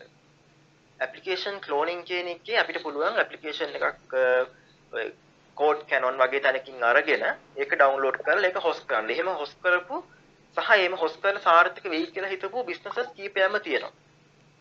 නමුත් එතන ඉෂුව එක තියෙන්නේ අර ඕගොල්ලෝ කියපු අර ඩෙවලොප්මන්ට් පාර්ට් එකටම තමයි මේක ආයේ එන්නේ. එහෙම වුණාම ඇත්තටම ලොකු රිස්ක් එකක් තියෙනවා එතන. මොකද අපි ක්ලෝන් කරලා අපි හොස්ට් කළාට මේක හදලා තියෙන්නේ කොහොමද? මේකේ සිකියුරිටිස් කොහොමද? පර්ෆෝමන්ස් කොහොමද? මේක වෙනසක් කරන්න උනොත් කරන්නේ කොහොමද? කරන්නේ කවුද? මේක ප්‍රශ්නයක් ඇති වුණොත් හදන්නේ කොහොමද? ඒ කිසිම දෙයක් අපි දන්නේ නැතුව තමයි අපි ක්ලෝන් එකක් අරගෙන එහා පැත්තට බොක් දාලා දාන්නේ. එතකොට මේ වගේ දේවල් අපි නවත්ත ගන්න ඕනේ හොඳ quality customer driven product එකක් එළියට දානවා නම්. බොහොම ස්තුතියි මේ හොඳ වැලිබල් ඉන්පුට්ස් ටිකක් සඳහන් කරා එතනදී. අපි අවසන් කරන්න කලින් පොඩි දෙයක් කියන්න ඕන. මේ මේ අද කතා කරපු එකේම දිගුවක් විදිහට අපි හෙට පික්මී එකේ කෝෆවුන්ඩ ෆාති මොහොමට් ආරාධනා කරලා තියෙනවා මේ අපිත් එක්ක සේෂන් එකක් කරන්න කියලා. එතකොට ඒ සේෂන් එකත් හෙට පහට පටන් ගන්නවා. මෙතන මේ තියෙන මෙතන ඉවෙන්ට රුඩින් තියෙන ග්‍රෝවිත් මයන්න කියලා. අන්න එකට ගිහිල්ලා මේ ඉවෙන්ට එක තියෙන. තකොට ඒක පොඩ නොටිෆිකේෂන් බෙල්ල කොන් කල තියාගත්තොත් ඒවෙලාට අල නොටිෆිකේෂන් ඇක්කයි මොකද මේ ඒක හොඳ අපිට ප්‍රායගව කතා කරන්න පුළුවන් හොඳ යස්කේස එක පික්මේ කියන්නේ මේ මොකද ලංකාවේ අලුත් දෙයක් කරන්න උත්සාකරද ඒගොල්ලො සෑහෙන ලොකු වේ රිසර්ච් එකක් එක්ක ගැන යුස බිහේවියසේම හඳුනගෙන ලොකු චේන්ජ එකක් කරපු ආයතනයක්. ඉතින් ඒ ෆවුන්ඩගෙන්ම අපිට ගොඩක් දේවල් අහලා දැනගන්න පුළුවන්. ඒ නිසා මේ ආරධනා කරනවා හෙට පහට අපිත් එක්ක සම්බන්ධ වෙන්න කියලා. ඒවගේ මෙතන ඉන්න අයවත් ෆොලෝ කළ තියාගන්න. මං අවසාන වශයෙන් සංචයට සහ විකුම්ට දෙන්නම් චාන්සක මේ මොනහර දෙයක් තියනවන කියන්න. ඒවගේ ඔගලන්ගේ සෝෂල් චනල්ස් මොනවද කියලා පොඩ්ඩක් සඳහන් කරන්න. හොඳයි. තැංකව ශවීන් සහ ස්ටේජ් ගනිත් අයරත් සහ අහගෙනට කෑමෝටමත් ඉතින් ඉල්ල ඉන්ටෝටල්ක විදිට අපි ගොඩක් වෙලාට කරන්නෙත් මේ වගේ නොලේ ශරික් සේෂන්ස් කරනවා මේ කලබ් බව් එකෙත් එ එලියේ ෆස්බුක් YouTube එකෙත්. දැ කලබ් බව් එක ස්ත්‍රහටත් අපි අපිත් සේෂන් එකක් රේංච් කර තිනවා. නෙක්ස්ට වීක් දනික පෙරරා තෙක්ක මම කතා කරනවා කොහොමද එයාගේ ජනීක සහ යාගේ එක්ස්පෑන්ෂන් එකන ජයක් ජනී ගොඩක් අය දන්න හලා තියෙන එක ප්‍රසිද්ධ දෙයක්. එතනි පොට හට ගිහිල්ලා ඉදිරි එක්ස්පන්ෂන්ස් මොනවාද ඒව කොහොමද මොනවගේ බිස්නස් ස්ටටිජික් ඩිෂන්ස් ළඟදි ගන්න උනේ සාහිත්‍යයට ගන්න බලාපොරොත්තු වෙන්නේ වගේ අපිට කියන්න පුළුවන් දේවල් ටික අපි යකින් ගමු හොඳ දැනුමක් වෙයි. ඉතින් අපේ e-learning.lk club house එකත් පොඩ්ඩක් follow කරලා තියාගන්න. ඒ බිස්නස් පැත්තමත් නෙමෙයි අපි ඒක ගොඩක් දේවල් එක එක දේවල් කියන්නේ දැන් ඊයේ නම් තාරක විද්‍යාව ගැන එකක් කරා. ඉතින් තව මිලිටරි ජෙට්ස් ගැන එනවා තාරක විද්‍යාව සීරීස් එක ඉදිරියට යන්න කියලා ලොකු ඉල්ලුමක් තියෙනවා. ඉතින් ඒකත් කරන්න බලාපොරොත්තු වෙනවා. ඉතින් ඒ වගේ දේවලුත් වෙනවා. ඉතින් ඒවත් පොඩ්ඩක් follow කරලා තියාගන්න මේ අපේ මගේ club house channel එක. විකුම් කෞශල්‍ය තැංකව හැමෝටම එක තුලා හිටියට ඉතිං බන්න එතරම ගොඩක් ලොකු දෙයක් කියන්න බැරවුණා මටිකක් ප්‍රිපයා වෙලා හිටියනෑ නමුත් මම දන්න දන්න දෙවල්ට ඉතින් ෂයා කර ගත්තා මම ටික්ටොක් එක චැනල්ලයක් කරන ටෙක් ටෙක්විත් එකී කියලා. ඒවගේම YouTube එකෙත් ඒකම කරනවා ටෙක් විකී කියලා. තින් අනිවාරෙන් ඔගුල්ලෝ යනවන ටික්ටොක් එකටම අනිවාරෙන් ෆොලෝ කරන්න. අපි ඉස්සරහට සෙට්ටලා තව මොක්කර හොඳ මාතෘකාවක් ගැන කතා කරු අනිවාරය ටික්ටොක් කිව්වා මරාර මේ ගොම්පාට් දාන කෙනෙක් නෙම අත්තරම හොඳ වැලිබල් කටෙන් දාන කෙනෙක්. ගන්න ලැබීම සතුට දුර්ලභ ජීවිතම අපිටත් ඕන කර ඇතර මම මම මමත් ගොම් ගෝම් පාට් දාලා තියෙන ටික් මට එතන ඒතනත් පොඩි දෙයක් කියන්න ඕනේ. දැන් ටික්ටොක් ගැන ඇත්තරම මේ විශේෂයෙන්ම අපි සෙෂන් එකක් ඇරියත් කමක් නෑ කියලා ඉතර මේ කරමු කරමු ඉස්සරහට කරමු. හේතුමකක් දන්න දැන් ලංකාවේ මම මම ලංකාවේ ලොකුම ඉන්ෆලුවන්සස්ලා ටික්ටොක් එක ඉන්න. අය අනුවක් දැසියකට කිට්ටු කරන්න එකතු කරලා ලොකු ගරුපයක් හදාගෙන ඉන්නවා. අර ගොම් කන්ටෙන්ට් කරන්න නැති අය. අපි ට්‍රයි කරන පුළුවන් තරම් මිනිස්සුන්ට මේ ටික්ටොක් කියන්නේ මේ ප්ලට්ෆෝර්ම් එකක් මිසක් මේ මිනිස්සු මේ පිරිමින් ළමයි මේ ගවුම් ඇඳගෙන නටන තැනක්වත් එහෙම එකක් නෙවෙයි කියන එක අර පෙන්වන්න ඇත්තරම මේ ටික්ටොක් එක ඇතුලේ මාර දේවල් තියෙනවා. ඕගොල්ලෝ නිකන් ගිහිල්ලා බලන්න අපි ෆේස්බුක් එක දකින ටික්ටොක් නෙවේ ටික්ටොක් එක ඇතුළ ඇතරම තියෙන මොකද මමත් ෆේස්බුක් පේජයක් කර ටික්ටොක් ශ්‍රී ලංකා කියලා. ෆේස්බුක් එක ඒක අපි දැම්මෙත් කොල්ලො ගවුන් අදර ඇඳන් නටනේවා තමයි. හැබැයි මේ ටික්ටොක එක ඇතුළේ ලස්සන මේ ක්‍රිප්ටෝ ගැන ටෙක් ගැන එතකොට ඉන්වස්ටිං ගැන ෆොරෙක්ස් ගැන මාර දේවල් උගන්නන මිනිස්සු ඉන්න ඔගොල්ලෝ ඔගොලට නම යසනම්ස් ටිකක් ෂයා කරගන්න පස්සේ වෙලාවක. ගිල ෆලෝ කරලා බලන්න. යාලගේ කටෙන්ස් කොච්චර වැදගත්ද? ඒවගේ මෙයාලා තප්පර තිහකින් හතලියකින් මොනතරම් දේවල් මිනිස්සුන්ට කියනවාද කියලා. එකන ගොඩක්ලට අප YouTube වීඩිය එකක් බලුවොත්තේම යාලා සමල්ලාට විනාඩියෙන් කියන්න ඕන එකත් විනාඩි පහක් විතර අදින ටික්ටොක් එක ඇතුළ ඒකන්නේ අනිවාර ගොලට ගොඩක් දෙවල් ඉගෙන ගන්න පුළුවන් ටික්ටොක් එකටාවත් මේ දිමාවත් පලෝ කරන්න ඇවිල්ලා චුට චෙක්කල බලන්න මම කියනවට රයිට් අපි මේ සේෂන් එක වගේම මේ ග්‍රෝවිත් මයන්න කලබ් හවස් කලබ් එකෙන් ඕගනයිස් කන මේ හැම ලයිව් සේෂන් එකක්ම රෙකෝඩිංස් විදිහට බලාගන්න පුළුවන් මේ මයන්න YouTube චැනල් එකට ගියුත්. ඒවගේම පෝඩ්කාස් පලට්ෆෝර්ම් සලත් මම දානවා මේ uh, මොනාද Google සහ Apple සහ uh, ස්පොටිෆයි ඔය ඔය සමන ප්‍රසිද්ධ පෝඩ්කාස් පලටෆෝර්ම් සල ග්‍රෝවිත් මයන්න කියල සර්ච් කරොත් ඒ එපසෝඩ්ස් බලන්න පුළුවන් සහ අපි කලින් කරපු සේෂන්ස් බලන්න පුළුවන්. අපි කලින් එකක් කරා සංජය මහත්මයත් එක්ක මේ මොකක්දේක මතක නැද? Work from home. Work from home ගැන. Work from home ගැන එකක් කරා. එකත් රෙකෝඩින් එක දාලා තියෙන ඉතින් ඉස්සරහට කරන හැම සේෂන් එකක්ම මේ ග්‍රෝවිත් මයන්න එකකින් කරන හැම සේෂන් එකක්ම මයන්න YouTube channel එකෙන් repeat බලන්න පුළුවන් අනිවාර්යයෙන්ම ආයි මතක් කරනවා හෙට තියෙන සෙෂන් එකට පහට එක ගොඩක් විශේෂ සෙෂන් එකක් මේ ගොඩක් වැලියබල් සෙෂන් එකක්. අපිට ප්‍රායෝගික පැත්ත ගොඩක් බලන්න පුළුවන් වෙයි මේ ෆාති එක කතා කරලා. ඒකටත් ජොයින් වෙන්න කියලා ආර්ධනා කරනවා. එහෙනම් නැවතත් මේ වගේ අලුත් සෙෂන් එකකින් අපි තව දවසක හමු වෙන ජයවා තැංක very much. අදහස් දක්වපු හැමෝටම. ඒ වගේම මේ ප්‍රශ්න අහපු අදහස් දක්වපු පැයක්කට වැඩිය කාලයක් තිස්සේ අපිත් එක්ක මෙතන සම්බන්ධලා හිටපු හැමෝටම බොහොම ස්තුතියි. ජයවා